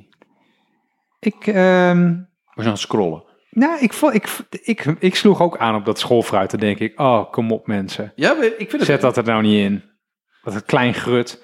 Nou, ik vind wel, als je, als je gewoon eh, het hoofdprobleem vindt dat de aarde naar de ellende gaat, eh, dan zit je bij GroenLinks wel echt aan het goede adres. Ja, Eh, ja. Een, een sterke eh, CO2-belasting, eh, geen korte af- afstandsvluchten meer, een klimaatfonds in plaats van een Wopke Wiebesfonds met 60 miljard om de overheid alleen maar duurzaam te laten investeren, waar de overheid dus echt investeerder wordt. Ja, dat vind ik interessant. Dat zij zeggen niet per se, volgens mij, dat ze een vliegtax willen, GroenLinks. Echt een Nee. vliegtax. Maar ze zeggen dus wel van, we willen korte vluchten, dat mag niet meer. Dat gaan we verbieden. Net zoals dat ze volgens mij in Duitsland en Frankrijk ook hebben gedaan. Dat willen ze dan hier ook doen. Gewoon korte vluchten doen we niet meer. Ja, dat is op zelf Ja, dat vind, ik wel, dat vind ik dan wel weer lekker helder. Ja. Dat Maar doen we gewoon niet. Ik heb nog wel iets gelezen waar jij heel blij van wordt, Randy. Over belastingen, toch. Oh, Eén, er komt een topbelasting boven de 5 ton. Dus dat betekent eigenlijk Ja. een extra belastingtarief in de inkomstenbelasting. Je hebt nu vier schijven, wordt eigenlijk een vijfde schijf. Hè, bovenop. heel goed. 100 procent? Eh, ik, ik weet niet, ik heb percentage even niet. eh, Nee, staat er niet bij. Oké. Nee. Er komt een extra vermogensbelasting, maar huurinkomsten worden op dezelfde manier belast als gewone inkomsten. Nou, dus dat pandjes, zijn eh, heel veel verstandige mensen die dat al gezegd hebben. Dat dat moet gebeuren. Ja, dus daar word je heel blij van. Eh, dus er is naar ons geluisterd, Renny. Nou, ik zeg het nog één keer voor de luisteraars. Huurinkomsten, als, je, als, je, als jij nu gewoon als private belegger een woning koopt, huurinkomsten worden niet als inkomen belast. Gestoord. eh, en daarom kopen al die mensen huurhuisjes. En is kan jij geen huis kopen. Tuurlijk is dat gewoon Oké, inkomen. en GroenLinks heeft het door. Ja, die hebben, die hebben wel een paar inzichten. Er staat ook nog in de bulletin onder, staat multimiljonairs betalen. En, en misschien moet ik daarvoor zeggen, af en toe heb ik een beetje lichte, lange tanden bij het kinderlijke toontje. Wat hier eh, wordt aangeslagen. En dat heb ik hier ook bij multimiljonairs. Eh, dat vind ik sowieso een ouderwets woord. Denk ik, multimiljonairs, iemand die 2 miljoen heeft verdiend door gewoon een heel mooi bedrijf op te richten. Daar heb ik niet zoveel tegen, snap je? Of 3 miljoen of 4 Ja. miljoen. Het gaat om die extreme concentraties van vermogen die van generatie op generatie. Hè, naar, naar, naar kinderen die op een gegeven moment helemaal niks meer kunnen, die alleen nog maar in Chanel in Tilterug eh, lopen te doen. Daar gaat het om. Eh, maar goed, multimiljonairs staan voortaan jaarlijks 2% van hun vermogen af. Dacht ik, ja, vind ik ook een beetje vaag, hè? 2%, steeds 2%. Gaat Ze gaan wel vol Ja. op de vermogensbelasting, hè? Ja. Vind ik wel mooi. Ze- de- de- dat, bij GroenLinks, als je Zij echt ziet dat van... dus wel, hè? Ik vind, ik vind wel dat je, je hebt kritiek op de SP, eh, op, bij, op GroenLinks dat ze het niet concreet maken. De SP maakt bijna niks compleet, eh, compleet eh, concreet en, en blijft hangen in cretologie. En dat vind je fantastisch. En GroenLinks Nee. zegt gewoon, jongens, we gaan het vermogen aanpakken. Bam. Nee, oké, maar dan ga ik ook... Ja, Kijk, hoe en ik ook vind... gewoon fors, hè? Als je, Ja. Ik denk dat bij Gewoon GroenLinks, inleveren. als je dit, als je, als je, als dit straks doorgerekend wordt, het Centraal Planbureau, wat ik toch interessant vind, dan gaan hier eh, echt verhogingen van de vermogensbelasting uitkomen. Dat is ongekend. Dus Mhm. het is nog waarschijnlijk nog heftiger qua vermogensbelasting dan de SP, als je dit zo leest. En ik Ja. trouwens, ik Ja, vind ook mooi de, de, frames hè, die ze gebruiken. Dus dan, dan dat ze zeggen van topverdieners en expats. Hè, dus ze gaan meer inkomstenbelasting betalen. Maar ook er komt, voor werkgevers komt er een nieuwe CEO-belasting. Ja. Die ze betalen over salaris en Nou, bonus of meer dan vijf. Misschien is dat wat ik bedoel. Dat Dat- alles oh, dat zit al heel stevig in de framing. Ja. En dan denk ik, nee, weet je, schrijf maar gewoon goed op Kijk, wat je nou eigenlijk gewoon- bedoelt. Het is volgens mij gewoon niet jouw framing. Je vindt die framing van de SP gewoon veel lekkerder. Van, jongens, de barricades op, we gaan ze pakken. Ehm, en ja, dit is een beetje van CEO-belasting. Maar ik ben het inhoudelijk ben ik het hier wel mee eens. En toch eh, stoot de framing mij een beetje af. Ja, en eh, wat de psychologie daarachter is, Ja. die, eh, dat zal wel aan mij liggen. En maar als je gewoon echt naar de, de, de fiscale maatregelen rondom verduurzaming kijkt, dan, dan moet je hier gewoon wezen. Overheid kop volledig circulair in. Ja. Ehm, eh, producten geproduceerd in Nederland en Europa promoten. Eh, zonnepanelen op daken verplicht voor eh, eigenaren van grote betrouwen, eh, bedrijven. Eh 17 miljoen bomen, planten staat er ook in. En bomen voor iedere Nederlander. Ja. Ik heb, zij, zij gaan mee met de SP qua zorg. Hè? Dat die zorg, het stelsel van zorgverzekeraars dat moet helemaal anders. Helemaal hervormd worden. Publieke zorgfondsen wil GroenLinks. Ik denk daarbij toch wel, wil de linkse kiezer nou dit soort mega stelselhervormingen zich nu op de hals halen? Want zit het hem niet meer in dat eigen risico waar mensen van balen, bijvoorbeeld, dan in het stelsel van zorgverzekeraars? Ik heb nooit het gevoel dat dat nou echt verschrikkelijk Ik denk dat dysfunctioneert. gemiddeld maakt het de, laten we zeggen, de burger volgens mij vrij weinig uit. Want wat je wil is de dienst zorg. Ja, en hoe, hoe dat geleverd wordt en hoe jouw zekerheid daarop georganiseerd wordt. Ik vermoed dat mensen dat weinig interesseert. Ehm, het enige wat ik nog zou kunnen toevoegen is dat mensen het misschien irritant vinden dat je jaarlijks doodgegooid wordt met reclames over het overstappen naar een andere zorgverzekeraar vanwege bladibladibla. Als, da- als dat het is, dan zou ik tegen mensen zeggen: stel je even niet aan. Maar het is het eerste punt bij herwaardering van Ja. de publieke sector. Het is een heel belangrijk punt voor ze blijkbaar. Hetzelfde met, eh, oh ja, dat vond ik ook wel interessant, kinderopvang. Er zijn heel veel partijen volgens mij die kinderopvang gratis willen maken. Nou, in ieder geval drie kan ik je verklappen. Ja, Ehm, maar nou, daar heb ik wel weer, had ik weer een leuk vergelijkingsstaatje van gemaakt. Ehm, ze willen allemaal kinderopvang gratis maken, maar net wat anders. GroenLinks en D60 hebben weer een pakketje gesloten en precies hetzelfde in het programma opgeschreven. Eh, eh, kinderopvang gratis vier dagen per week vanaf 0 jaar oud. Maar de SP maakt daar een beetje een malle uitgeleider, vind ik. De SP schrijft op: eh, kinderopvang is gratis drie dagen per week voor kinderen vanaf 2,5 jaar. Dat is, nou, dat is weer heel specifiek. Dat is weer eigenaardig het is specifiek. dus minder dagen en vanaf voor kinderen die ouder zijn. Dus dat, dat begreep ik niet helemaal. Nou, weet je, ehm, wat, wat, eh, wat mij hierbij opvalt is, wanneer jij zegt, wij gaan vanuit de belastingen in plaats van vanuit hè, dat je zelf wat Mhm. moet betalen als gebruiker, gaan wij bepaalde publieke voorzieningen bekostigen, dan zeg, je, eigenlijk- dan zeg je eigenlijk impliciet ook iets over hoe jij vindt dat mensen hun leven moeten leiden. Eh, dus bijvoorbeeld basisschoolonderwijs is gratis in Nederland. Eh, maar dat is ook verplicht. Mhm. Je moet hè? je kind naar de Je basisschool moet sturen. naar de basisschool. Je bent ook, stel je voor dat het niet verplicht zou zijn, dan zou je in Nederland toch wel als een behoorlijke wappie worden gezien. Als jij je kind niet naar de basisschool eh, doet. Maar kinderopvang gratis, dat betekent ook dat je het tweeverdienersmodel, dat ga je nu helemaal omarmen. Eh, terwijl ik had ergens ook wel van GroenLinks verwacht, dat vind ik namelijk heel goed bij klimaatbewustzijn passen, dat we ergens minder moeten gaan werken met elkaar. Waarom moet iedereen maar fulltime werken? Nou, Dat zeggen ze niet. Dat zeggen ze niet. Ik, ik ben het hier helemaal niet mee eens. Ik vind, dat, ik vind dat GroenLinks het heel netjes neerzet. En D66 ook wil zeggen, vier dagen gratis. Dus dat betekent, vier dagen is niet fulltime. Maar dat is vier dagen net een oké, weet je, een beetje standaard werkweek. Dus je wilt GroenLinks- Voor inderdaad... GroenLinks-kiezers is dat fulltime. Je voor GroenLinks is dat fulltime. maar je wilt in ieder geval dat er geen financiële barrière is om te gaan werken en dat je kind naar de kinderopvang gaat. En op het moment dat je dan meer gaat verdienen, want je gaat werken, dan heb je progressieve belasting, dan heb je een progressief belastingstelsel en dan moet je toch meer betalen. En dan betaal je ook wel de, de kinderopvang. Ik geloof echt dat, dat, dat het werkt, dat je gewoon de keuze, wel of niet werken, dat je die makkelijker maakt. Want nu is het gewoon... Nee, ik, hier, ben, hier zijn we het inderdaad niet eens. Nee, ik dat zeg klopt. Zijn we niet- eens. En ik vind de voorstel van eh, de SP is echt het slechtste van alle werelden. Want dan betekent dat je dus drie dagen in de, in de week gaat werken. Dat vind ik, dat, dat, nee, dat, dat, ik doe dan inderdaad vier. Dus je kan kiezen, eh, meer, eh, meer ruimte.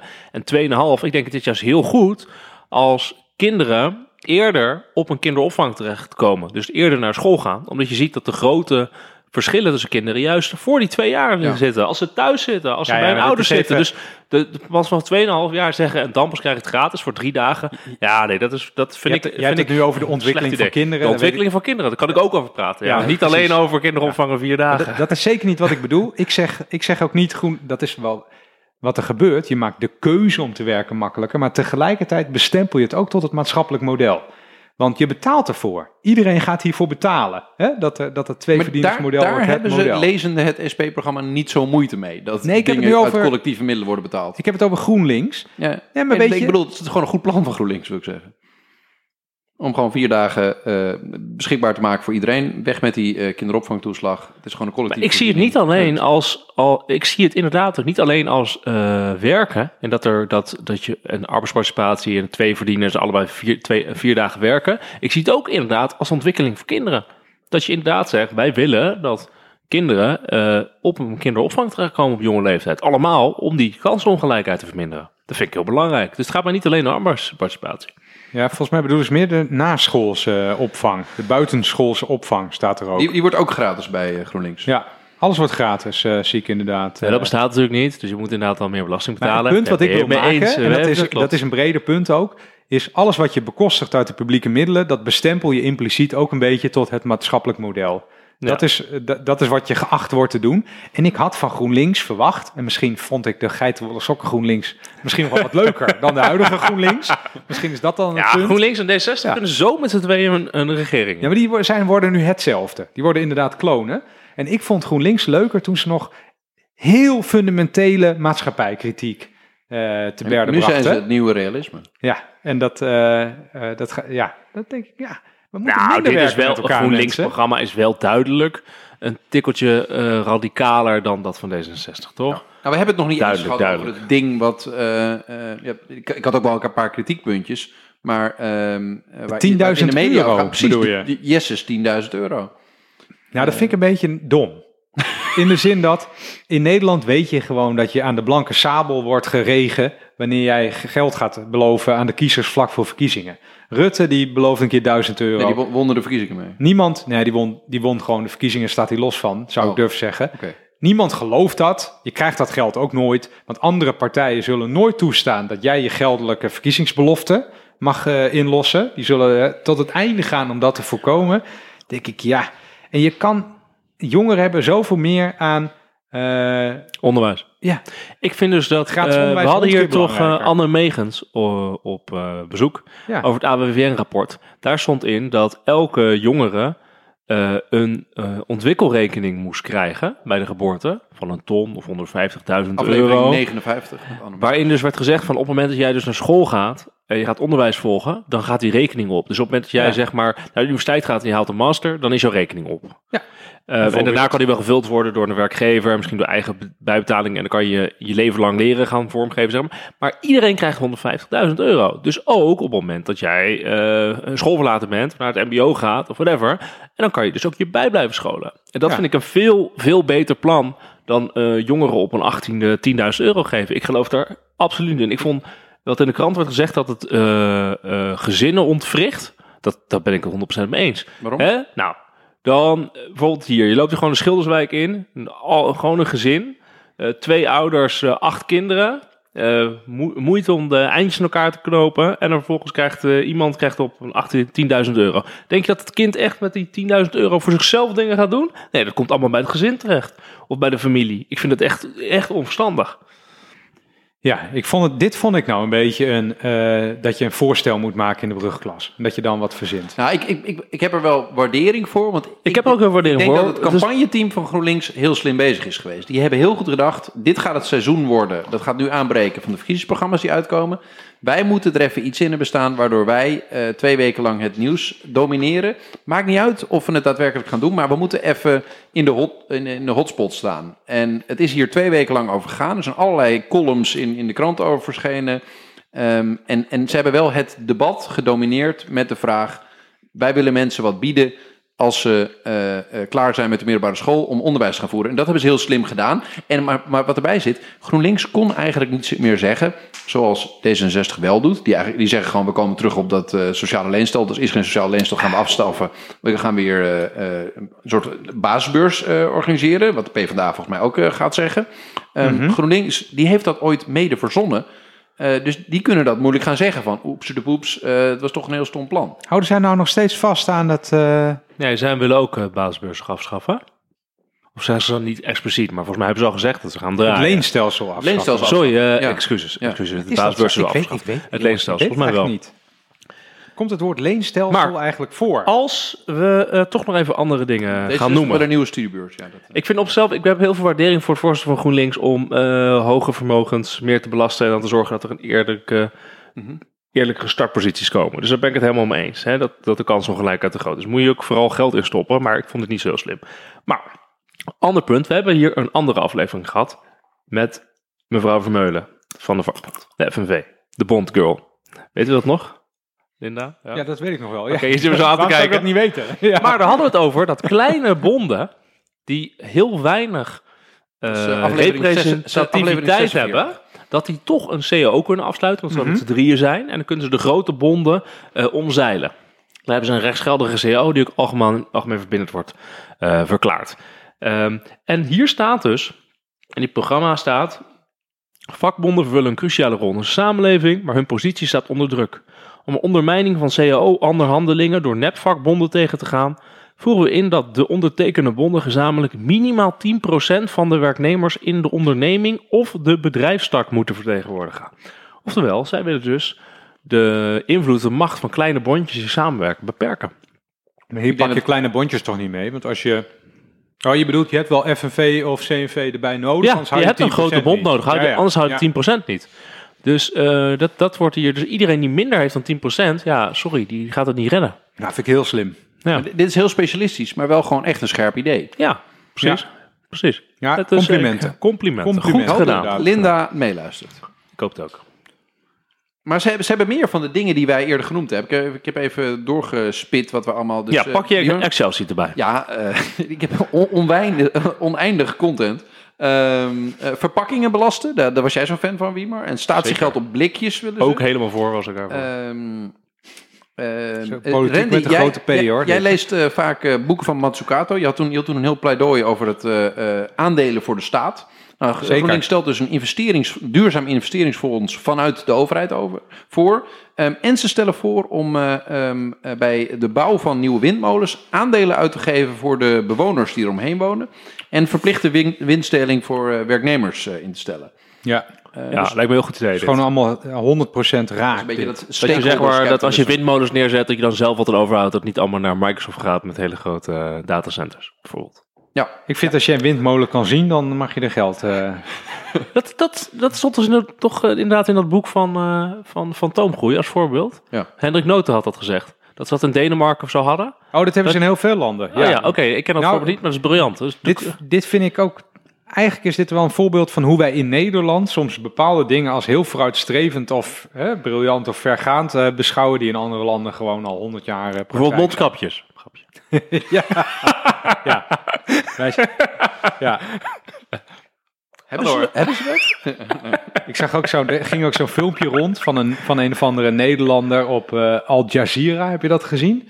Zag je echt zo'n typische Nederlandse man, heel lang, veel te dure jas aan, heel, allemaal dure kleren en, dan- en van dat beetje van dat blasé-ige Engels van, nou ja, yes, I, I find it very important that uh, we can make, uh, we have the freedom to make our own choices uh, in the Netherlands.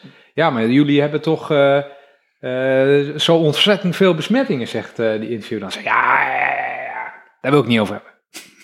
Ja. Heb je het niet gezien? Nee, Ja. nee, ik zit nu op Twitter, moet je weg. Ehm, ze willen ook kerosine belasten, is GroenLinks ook hartstikke goed. En wat ik ook eh, mooi vind, ze willen de, de bureaucratie van de overheid bestrijden. Daar, daar ben ik als ambtenaar ook voor, wel een. Met vuur? enthousiasteling over. Daar dur- durven ze gewoon... eh, Gewoon afbranden. Hoe dan? Mag ik een ja, hoe ja, dan? dat is wel een goede. Ja, hè? ze- Als je net kritisch was op de SP, dat het niet uitvoerbaar was, ja, dan gaan ze het hier doen zijn dan. hier niet... eh, Nee, ja, maar lees het maar voor. Het gaat vooral ook over bureaucratie in de zorg eh, eh, wegdringen. En daarbij benoemen ze dat ze bureaucratie in zijn algemeenheid in de overheid. Dus eigenlijk red tape weghalen. Eh, Ze benoemen niet hoe. Ja, mag ik... ik Maar ik ben ben je tegen. door- heb je, Ik ben tegen regels. Ja, nee, ja. Dat, Ben jij ook niet tegen regels, Wiemar? Nee, ik ben niet tegen regels. Ik ben regels hartstikke goed. Ik heb regels nodig. Wouter, ben je door je Excel-sheet? Of, of mag ik ook iets weer? Iets Ik vind het wel een goed concept van podcast hoor. Gewoon een Excel-sheet voorlezen. Hey, ik heb een andere dan, als we door mogen gaan. Een hele interessante, omdat die ook... eh, ik weet niet of het bij de SP zit, maar ik denk het eigenlijk wel. En bij D66 zit het in ieder geval ook. Namelijk, iedereen die werkt moet zeker zijn van een goed pensioen.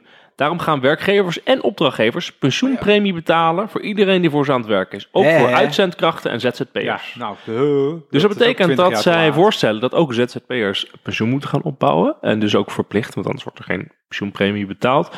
Eh, en volgens mij stond er bij D66 iets eh, een beetje rustigers in als... ZZP'ers krijgen recht om pensioen op te bouwen, is dergelijks. Ik heb het niet zo scherp. Maar in ieder geval, er gaat iets gebeuren met ZZP'ers en pensioenopbouw in het komende regeerakkoord. Plus zo- een arbeidsongeschiktheidsverzekering voor ZZP'ers. Want het stond ook bij D66 in het programma. En ook bij GroenLinks. Dus er gaat Maar het is gewoon common gebeuren. sense. Hoeveel ZZP'ers zijn er? Anderhalf miljoen? Dat Ja. is een tikkende tijdbom. Die mensen die bouwen geen pensioen op. Die zijn niet verzekerd tegen arbeidsongeschiktheid. Ik denk dat ze, dat ze eindelijk wakker zijn geworden. Ja, klopt. Ze willen inderdaad allebei een collectieve verzekering voor arbeidsongeschiktheid.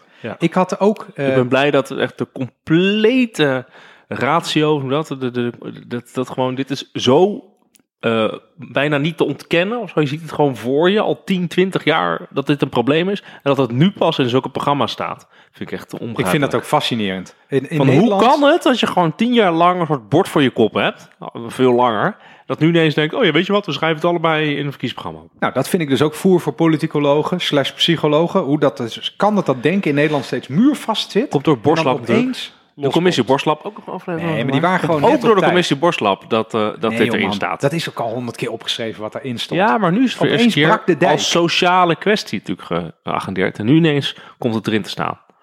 Ach, maar je, gaat- je gaat mij toch niet vertellen dat dat nog nooit in een rapport is opgeschreven? Dat nee, maar het heeft, nu meer, het heeft nu meer het podium gehad. En het, het komt natuurlijk ook door de coronacrisis. En dat je ziet dat ZZP'ers problemen krijgen met sociale zekerheid, opdracht en dat soort Nee, maar gedoe. geef toe, dat is, een, Dus- dat is een terugkerend fenomeen dat in Nederland te denken op thema's. Ja, maar oké, maar hoe komt het? muur vastzit en dan opeens Ja, maar hoe? alles. Ja, precies. Dus er is een, opeens is er een moment dat het er wel doorheen komt. Ja. Dus er is een soort... eh, de- Ja, dat de realiteit de niet window of meer, opportunity. niet meer te ontkennen het valt. Ja.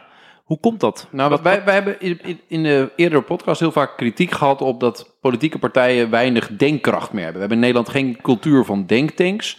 En wat ik heel veel zie bij die... Bij die Ik dacht even dat je ging die zeggen, we hebben in Nederland geen cultuur van denken. Ja. Hey, jij maakt grapjes, oké, is goed. Zo, gaat wel goed.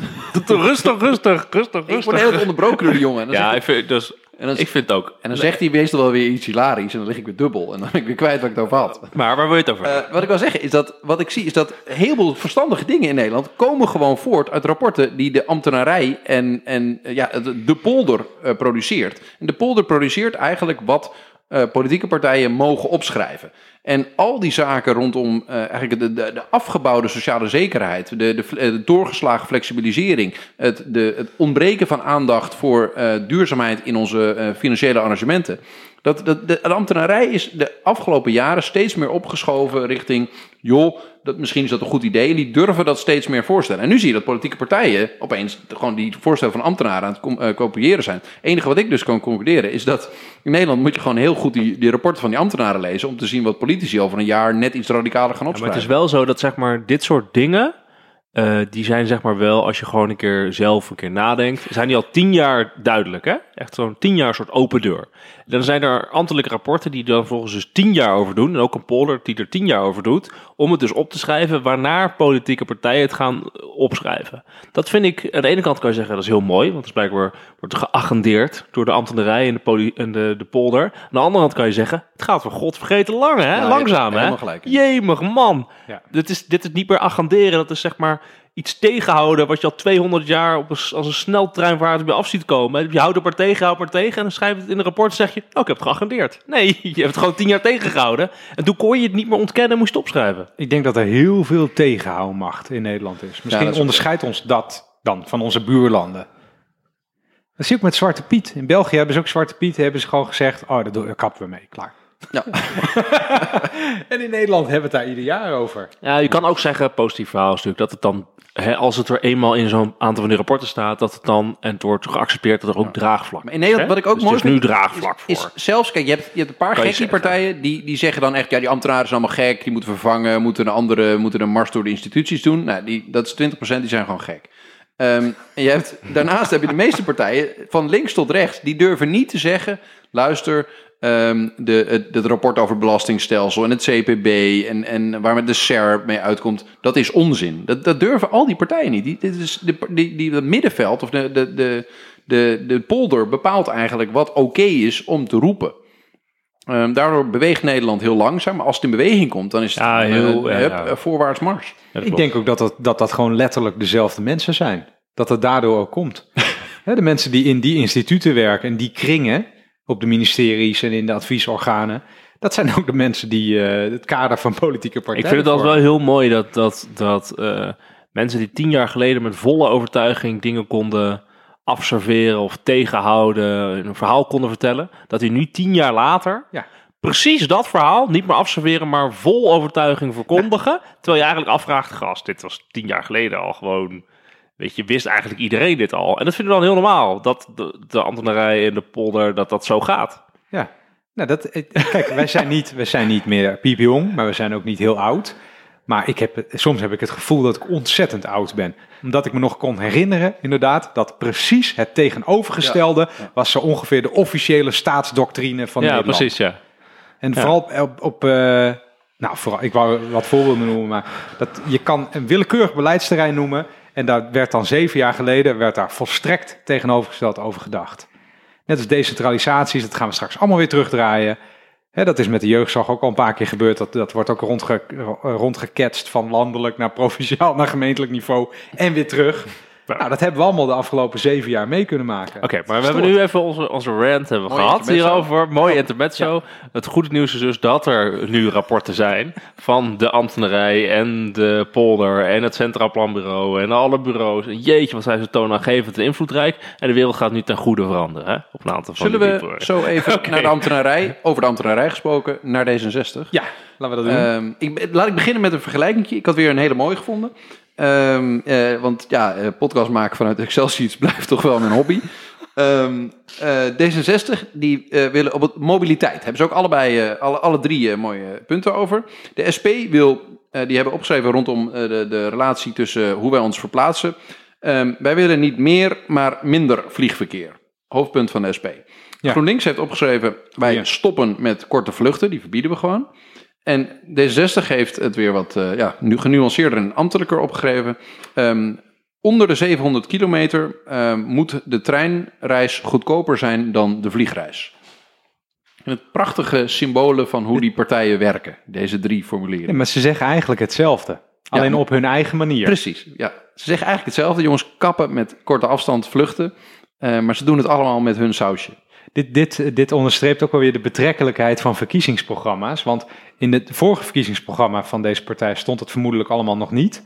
Eh, maar in de afgelopen vier jaar is Nederland gewoon tot dit inzicht gekomen. Ja. Dat vliegen naar Londen, naar Barcelona is gewoon onzin, jongens. gewoon Daar gaan we gewoon mee kap. Ja.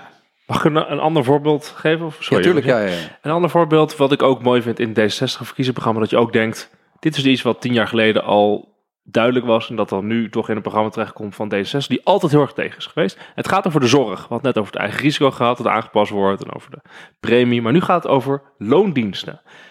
D66 vindt dus dat alle medisch specialisten ehm, Oh ja. in loondienst moeten worden gaan. Dus een financiële prikkel om veel behandelingen uit te voeren ruimt niet met, rijmt niet met het streven de best passende zorg te leveren. Daarom willen wij dat alle medisch spe- specialisten in loondienst van een ziekenhuis gaan werken. En nu voel ik me dus oud. Ik kan me dus herinneren dat ik een fractiemedewerker was van de PvdA in 2009, 2010. En dat, wij, dat ik dit soort dingen moest opschrijven voor mijn Kamerlid toen. En de, een van de partijen die er het hardste tegen was, was D66. Want je moet de marktwerking in de zorg niet verstoren. En Ja. zijn gewoon prikkels om efficiënt te werken. 180 En natuurlijk anders. gaat het niet fout. En D66 was altijd tegen, net als CDA, net als de VVD. En dan staat dit er nu in. En dan, weet je, dan krijg je dus het gevoel van net dat je dus die tien jaar lang moet wachten voordat die ambtelijke adviezen doorcijpelen en de, de, de polder een beetje in beweging komt. Ja, ik, ik, ik, vond het, ik vind het ook wel een beetje lastig, moet ik eerlijk zeggen hoor. Want ik kan, ik denk wel, jeetje, wat enorm hypocriet. Nou, geloofwaardigheid begint wel een issue te worden. Ja, zeker. partijen. Het is even geen statement wat heel veel indruk maakt eh, waarschijnlijk. maar je kan, als je tien jaar in een coma hebt gelegen en je wordt weer wakker, dan herken je eigenlijk geen enkele politieke partij terug. Dan denk Nee, je dat bij de klopt. VVD, oh die waren toch liberaal, maar die zijn nu een soort PVV. Tarieven moeten minder op productie worden gericht en meer op de uitkomst en de kwaliteit van de behandeling. Denk ik, jee, maar man, dat had je tien jaar geleden toch echt wel. Dat, dat, dat was overal gewoon de inbreng.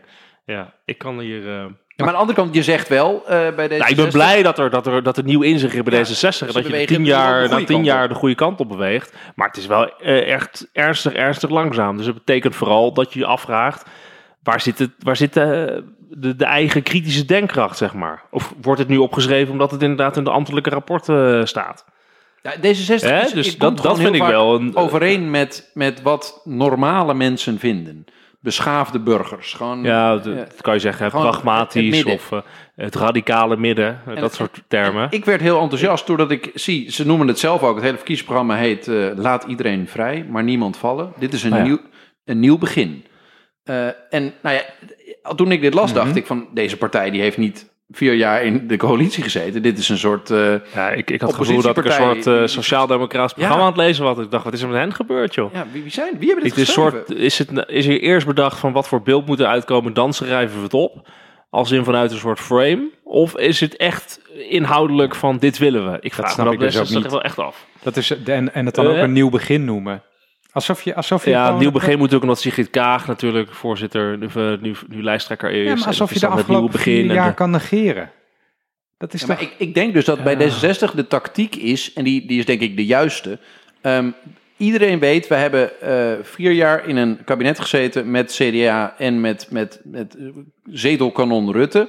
En iedere minority partij die samen met Rutte heeft geregeerd, die links van hem staat, die gaat kapot. Dat is wat de afgelopen verkiezingen hebben laten zien. Dus D66 weet, als wij op enige manier gaan rechtvaardigen dat we het in het, de afgelopen jaren heel goed gedaan hebben, ehm, dan hebben we een probleem. We hebben geen helder verhaal. Dus we hebben een nieuwe lijsttrekker, heel erg nieuw. En die moet nu met een heel nieuw verhaal gaan komen, waarbij we duidelijk laten zien, wij keren ons af van wat we de afgelopen jaren gedaan hebben. En we hebben een helemaal nieuw plan. En daar moet u ons op beoordelen en niet op de resultaten. Precies, uit ze gaan naar links en eh, dat zie je ook. Ja. En ik, vind, ik vind op zelf de zin, hè, we hebben het eerder gezegd, we hebben het eerder gezegd, de, laat iedereen vrij, maar niemand vallen. Ik vind dat we echt, eh, het is wel eh, echt een mooie, ik vind dat wel een goed frame, goed, goede, goede lijn.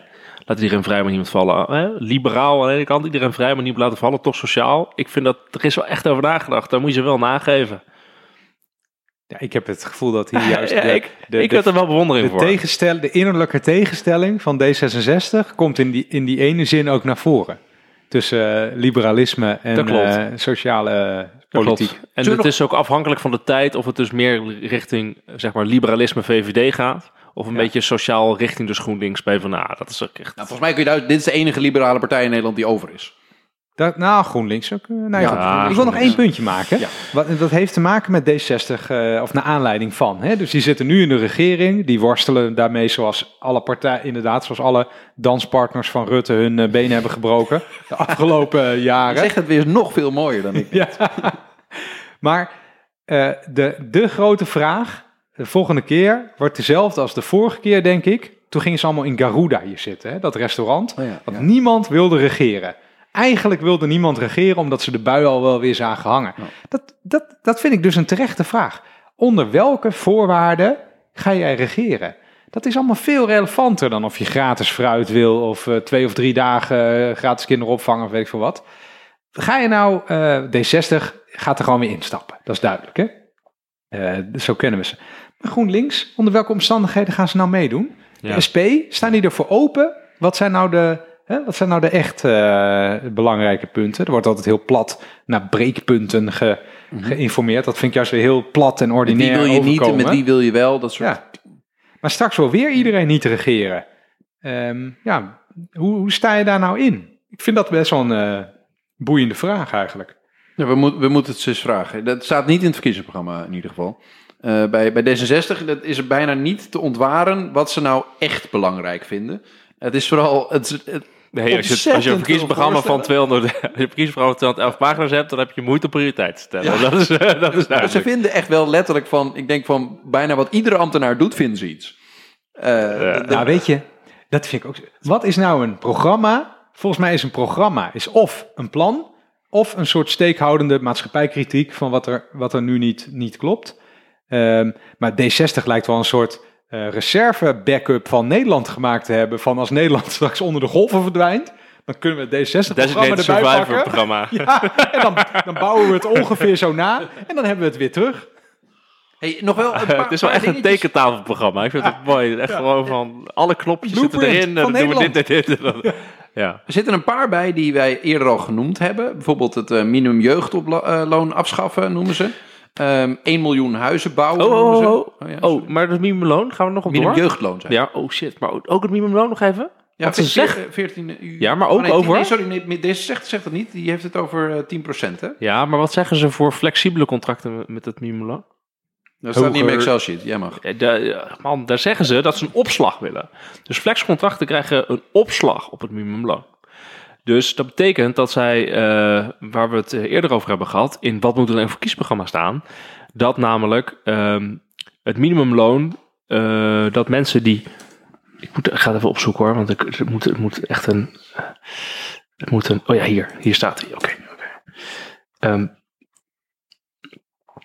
ze zeggen, bij meer flexibiliteit van de werknemer wordt een hogere beloning. Voor flexwerkers voeren we een opslag op het minimumloon in, zodat zij per uur meer gaan verdienen dan mensen met een vast contract. Dat vond jij Dus ook, toch? Dat vond ik ook, want daar hebben we het over gehad. Namelijk dat flexcontracten die een hoger risico hebben om hun baan te verliezen, dat die dus ter compensatie een hoger loon moeten krijgen. zoals alles wat je in de normale markt aan flex koopt, dat dat duurder is. Als jij een flexibele aanspraak wil hebben op vliegtickets of moet je meer Ja, betalen. Eh, en aangezien deze mensen meer risico lopen om een baan te verliezen, moet je er ook voor compenseren. Hè? Dat je niet de eh, voordelen alleen bij de werkgever legt van zo'n flexrelatie. Dus ik vind het wel bijzonder dat D66 dat doet, want dit is best wel radicaal. En dat D66 dit opschrijft, dat zegt wel veel. Want dat betekent echt dat het denken over het minimumloon enorm aan het veranderen is. In dus blijkbaar ambtelijk Nederland. Met allerlei polder- en ambtenarenrapporten. Ja, D60 is een beetje de chameleon die de kleur aanneemt van de tijdgeest. Precies. En de tijdgeest wordt overduidelijk eh, meer gericht op eh, overheidsinterventie in de economie. Ja. Het D66-programma is een beetje wat je op een gemiddeld feestje wel kan vertellen. Dat niemand zegt, jij bent gek. Dus gewoon, nou, oh, vind je dat? Ja, oké, oké. Ja, dan met, met nog een mooi frame eroverheen. Ja, en dan, maar eh, waar ik, waar ik jullie, jullie zijn economen, ik niet.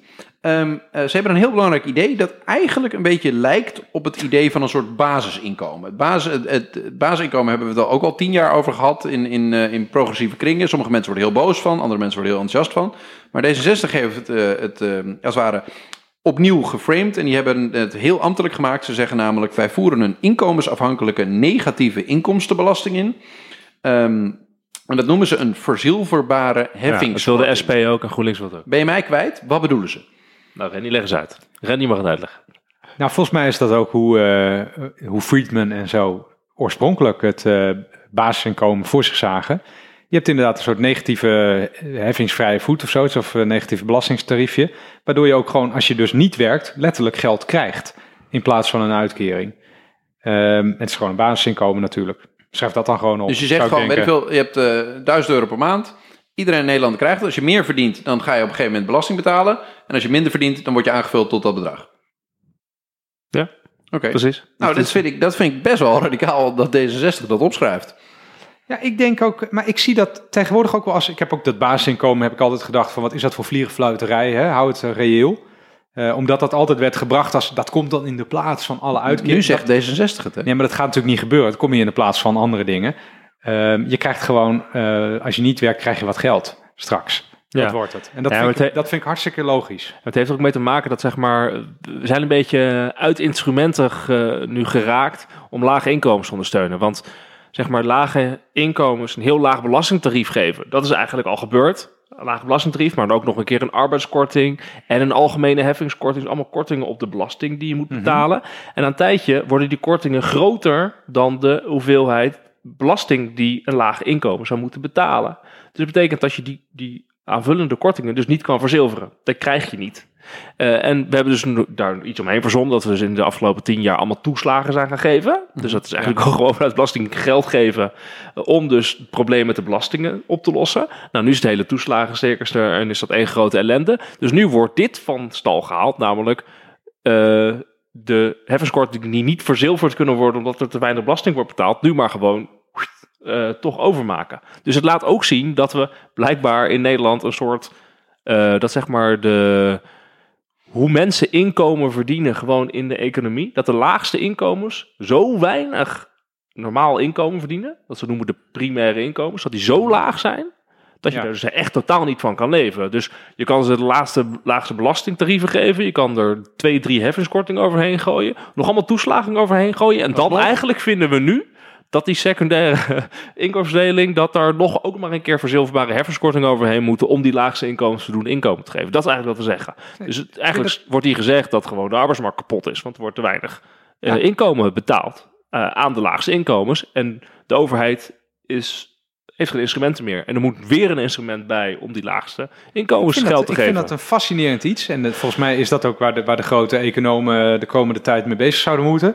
Dat je kan dus, er zijn heel veel mensen die in de economie eh, blijkbaar een onvoldoende substantiële rol hebben om überhaupt in hun eigen eh, levensonderhoud te voorzien. De- ja, de- dus de we zijn, we zijn Nou ja, ja Nee, maar is heel interessant. Dus we zijn niet niet genoeg. bereid. We zijn niet bereid om de laagste inkomens voldoende te betalen. Ja. En in ruil daarvoor gaan we allemaal belasting heffen van de, van de rijkste inkomens.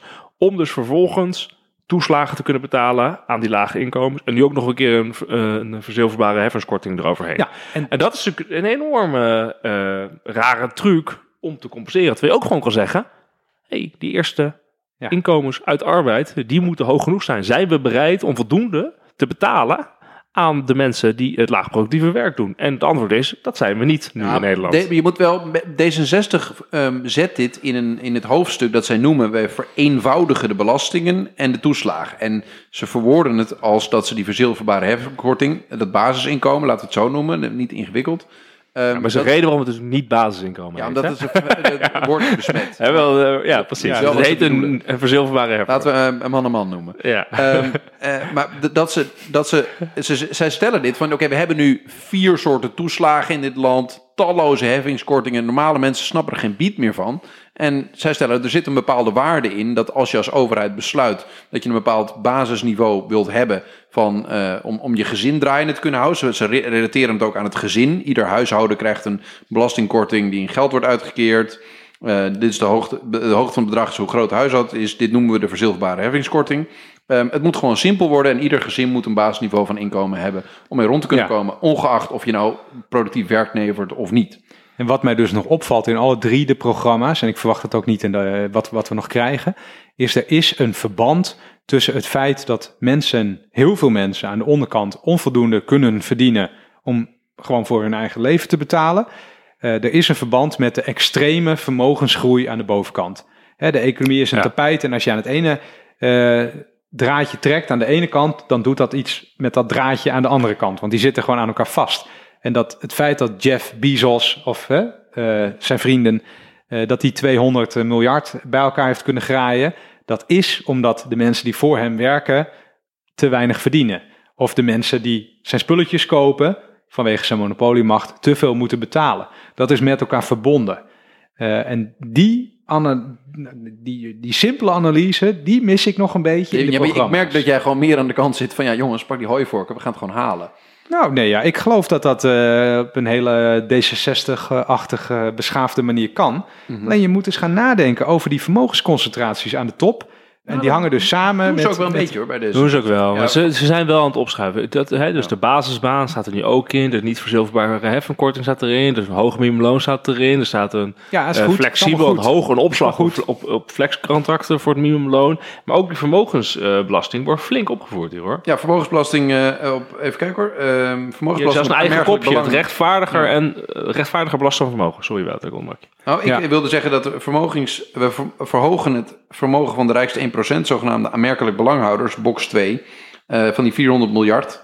Ehm eh, even kijken hoor, willen ze met, tot 2% verhogen. Ja, Nee, ik nou verkeerd? Nou, er staat niet precies in hoe oh ze nee, het het moeten staat doen. niet het eh, getal. Komt dat het ook, er wordt nog uitgezocht natuurlijk hoe dat precies moet. Hoe je die, eh, hoe je die, eh, Hoe je die mensen eigenlijk moet belasten. Ja, het is, het is een beetje, het is weer ambtelijk opgeschreven, maar ze zeggen wel, oké jongens, die, die, dat totale vermogen van 400 miljard, waar de Belastingdienst laatst achter was gekomen, dat in aanmerkelijk belangen zitten, die we in het verleden niet meenamen bij het belasten van vermogens in het land, Ja.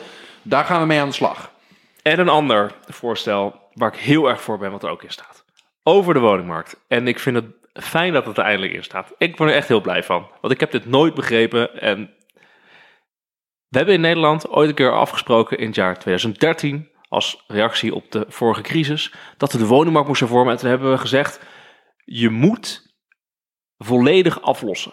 Dus een hypotheek... Ja, ja, ja. Een hypotheek moet je vanaf dat moment volledig aflossen. Dat was en dat radicaal. is Ja. dat is pas radicaal, want dat slaat echt helemaal nergens op. Want wat is er economisch gezien nou rationeel dat je als je later eh, eh, gepensioneerd bent, dat je dan en een AOW krijgt en een verplichte pensioenopbouw en je hebt spaargeld en je hebt ook nog een totaal afbetaald huis. Dat slaat helemaal nergens op. Dus het is veel logischer om te zeggen, eh, je hoeft bijvoorbeeld maar 50% van je huis af te lossen. Ik kan me nog discussies herinneren hierover. Ook bij een Tweede Kamerfractie. En nu Heilig staat het. Nu Heilig. staat het. Ja, want ik vond het, vond het altijd idioot.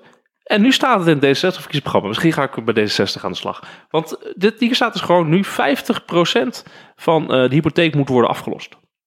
En dus 50% betekent dus, zou dus aflossingsvrij kunnen zijn. Waar ik dus heel erg groot voorstander ben. Want het geeft veel meer ruimte om goed na te denken over wat voor hypotheek wil ik. En wat wil ik aflossen en wat niet. Maar omdat je in ieder geval 50% moet aflossen, kan het niet zomaar zijn dat je huis onder water komt te staan. Want je moet 50% aflossen. Ja, de kans ja. dat je huis 50% de waarde verliest, is wel heel erg klein. Nou moet ik hier wel bij zeggen dat het altijd natuurlijk, of natuurlijk, eh, dat, is, dat is zo, ik weet niet of het natuurlijk is. Het is ook de afgelopen jaren al mogelijk om een half aflossingsvrije hypotheek te nemen. Alleen banken die in Nederland een sterke oligopolie-achtige positie hebben, die willen dat niet. Die willen dat jij gewoon je hypotheek aflost. En daar worden dat soort producten, zoals de blokhypotheek, eh, zo werd dat eh, genoemd. Die discussie die is best wel oud namelijk. eh, werden in de praktijk niet aangeboden, want eh, ja, die banken die hadden daar geen baat bij. Die hadden het natuurlijk in de sauna afgesproken van, ja, gaan we niet doen. Tuurlijk, tuurlijk. Ik snap het wel. Je wil niet meer risico lopen als bank. Je wil gewoon dat je geld terugkrijgt. Ja, Ik heb er nog eh, twee van D66. de erfbelasting. Zo willen noemen. Ja, we over de erfbelasting hebben? Ja. Nou, eh, der- D66 eh, heeft weer opgelet. En die hebben, ja, maar volgens mij hebben ze gewoon dat hele, hoe heet het rapport ook weer over de Bouwstenen voor een beter belastingstelsel. bouwstenen van een beter belastingstelsel. Ja, dat, dat lezen mensen niet. Maar een paar mensen bij verkiezingsprogramma's, commissies lezen dat wel. En nou ja, bij D66 hebben ze echt heel goed opgelet. Ze hebben het geschreven. Nou, dat ik, het zou wer- werkelijk kunnen, ja. Nou, ik ken wel een aantal mensen die Het zijn hier... dezelfde mensen. Ik ken wel een aantal mensen die hier in de achterzijde worden genoemd of, eh, als schrijvers van dit programma en medewerkers. Dan weet ik heel zeker dat ze dat, ze dat heel goed hebben gelezen. De bouwsteden van Nou, deze beter wij verhogen de erf- en schenkbelasting. Ehm, de tarieven worden progressiever. eh, zodat grote erfenissen meer belasting wordt betaald. Ze zorgen dat erfenis en schenking niet meer onevenredig terechtkomen bij mensen die relatief al welvarend zijn. Ze zeggen niet precies hoeveel. Ehm, want eh, ja, het zijn, het zijn toch ambtenaren. Ehm, maar dit is wel eh, heel goed dat ze het eh, al benoemen. Ze hebben duidelijk goed nagedacht. Ik wil er nog twee puntjes even noemen. Wat ik mooi vind, is niet te economisch, maar ehm, D60 noemt dat ze de miljoenennota gaan aanpassen. En ze willen de, brede, de monitor brede welvaart een prominente plek in de miljoenennota laten krijgen. Omdat ze vinden dat er te veel focus ligt op het huishoudboekje. En dat vind ik denk ik een, een goede trend. Dat er meer aandacht komt voor hoe het eigenlijk met eh, de Nederlander gaat. Maar ik moet eerlijk zeggen, ik lees wel eens de miljoenennota en ook de afgelopen. Daar staat al een behoorlijke trend in naar een breed eh, welvaartsbegrip. Dus ze hebben het al over Ja, die ambtenaren sociaal kapitaal, natuurlijk kapitaal, economisch kapitaal en dergelijke. Dus ik vond het ook een beetje flauw. Ja, want eigenlijk gebeurt het al. Ja, maar normale mensen weten dat Financiën. Nee, maar de- daarom is het ook een beetje flauw om dat op te schrijven. Want er staan dus- best wel veel dingen in het D66-programma die ze opschrijven en die dan leuk klinken, maar eigenlijk al gewoon gebeuren. Ja. Maar En la- laatste is wel, D66 heeft ik wel bij één radicaal ideetje van zichzelf weer van stal gehaald. Die ook af en toe niet Gekozen in- premier. ja, dat wil ik net zeggen. ja, Zeker. ja, Lekker. ja, nou, to- ja. weet je waar ik toen meteen aan moest denken? Nou, dan wordt één keer Wilders premier en dan zijn ze er weer tegen. Net als het referendum. Ja, precies. Want ze zijn, zoals heel veel mensen, we zijn allemaal zwak en hypocriet. Zij zijn hier altijd voor geweest omdat zij dachten dat dan hun mensen gekozen worden. Daarom zijn ze voor. En als er één keer een uitkomst is die niet bevalt, dan wordt het hele instrument... Wordt Maar gewoon Longren dat weer weggegooid. afschaffen dan. Daarna. oh, ja, ja. Ja. Nee, maar bijvoorbeeld, ik ben het eh, eh, toch even... D66 neemt adviezen van de adviescommissie Belastingheffen Multinationals over. Dat is dus gewoon, dat, dat wordt al overgenomen door de regering. We maken het aantrekkelijker voor bedrijven om met een groter deel met eigen vermogen te financieren. Dat wordt nu al gedaan door de regering. Er staan er heel veel van dit soort dingen in. Overigens, wat wel leuk is, is dat ze eh, zeggen van, eh, ze willen de winstbelasting Europees een minimum invoeren. Dat vind ik inderdaad wel een hele interessante. Dat je zegt van, we willen dus door heel Europa een minimum belastingtarief voor bedrijven. Ja. Om te zorgen dat, Dat ze vind ik niet... nou ook common sense. Dat is common Ja. sense, maar wel goed dat erin Ja, staat. goed dat ze het opschrijven. Ik ben trouwens wel heel benieuwd wie, als je nu de gekozen premier eh, invoert, wie, wie zal het worden bij de komende verkiezingen? Wilders. Mensen zijn zat, joh. Nee. Niet in dat bubbeltje van ons. Mensen zijn het scheidzat. Waarom niet. Lilian Marijnissen dan? Dat is een goed programma. Nee, denk- die doet, ik die, denk- doet- denk- die ik doet gewoon niet mee. Ik weet ik niet denk- ik niet. heb echt een, eh, ik ben altijd liever optimistisch en dat ik dan misschien ongelijk heb, dan dat ik pessimistisch ben en dat ik achteraf kan zeggen, zie je wel, ik had gelijk. Eh, dus ik, ben, ik denk dat mensen Sigrid Kaag echt wel als een eh, goed premier zouden zien. En ik, ik heb het gevoel dat, dat de 60% zeer verstandige, weldenkende, vriendelijke Nederlands, die hoor je nooit. Randy s- loopt alleen maar op straat en hoort hij allemaal mafketels. Ehm, ik denk dat mensen Sigrid Kaag prima als premier zouden willen zien. Of, of misschien Asscher of zo. Gewoon een vriendelijk, redelijk iemand met wie je ook wel een kopje Je koffie kan, zou dit, je kan dit niet voorspellen, maar ik zeg, het, ik zeg het ook een beetje zo, omdat ik wel duidelijk wil maken. Als je dit invoert, dan kan dat dus gebeuren. Ja, nee, Snap dat is je? waar. En eh, bovendien is dan helemaal niet nagedacht over hoe zo iemand dan een regering moet leiden. Want eh, wat doe je dan met zo'n gekozen premier? Dan zit, er een, zit een coalitie die zegt, Ja. opflikkeren jij, eh, met jou hebben we niks te maken. Wat voor premier ben je dan? Dan zit je in de Europese Raad en dan heb je geen steun van het parlement. Dat soort dingen gaan dan gebeuren.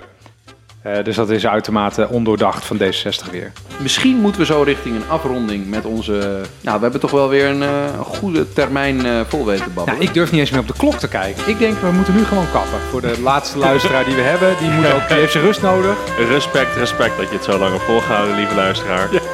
Dank Dank. voor het luisteren van eh, aflevering 62.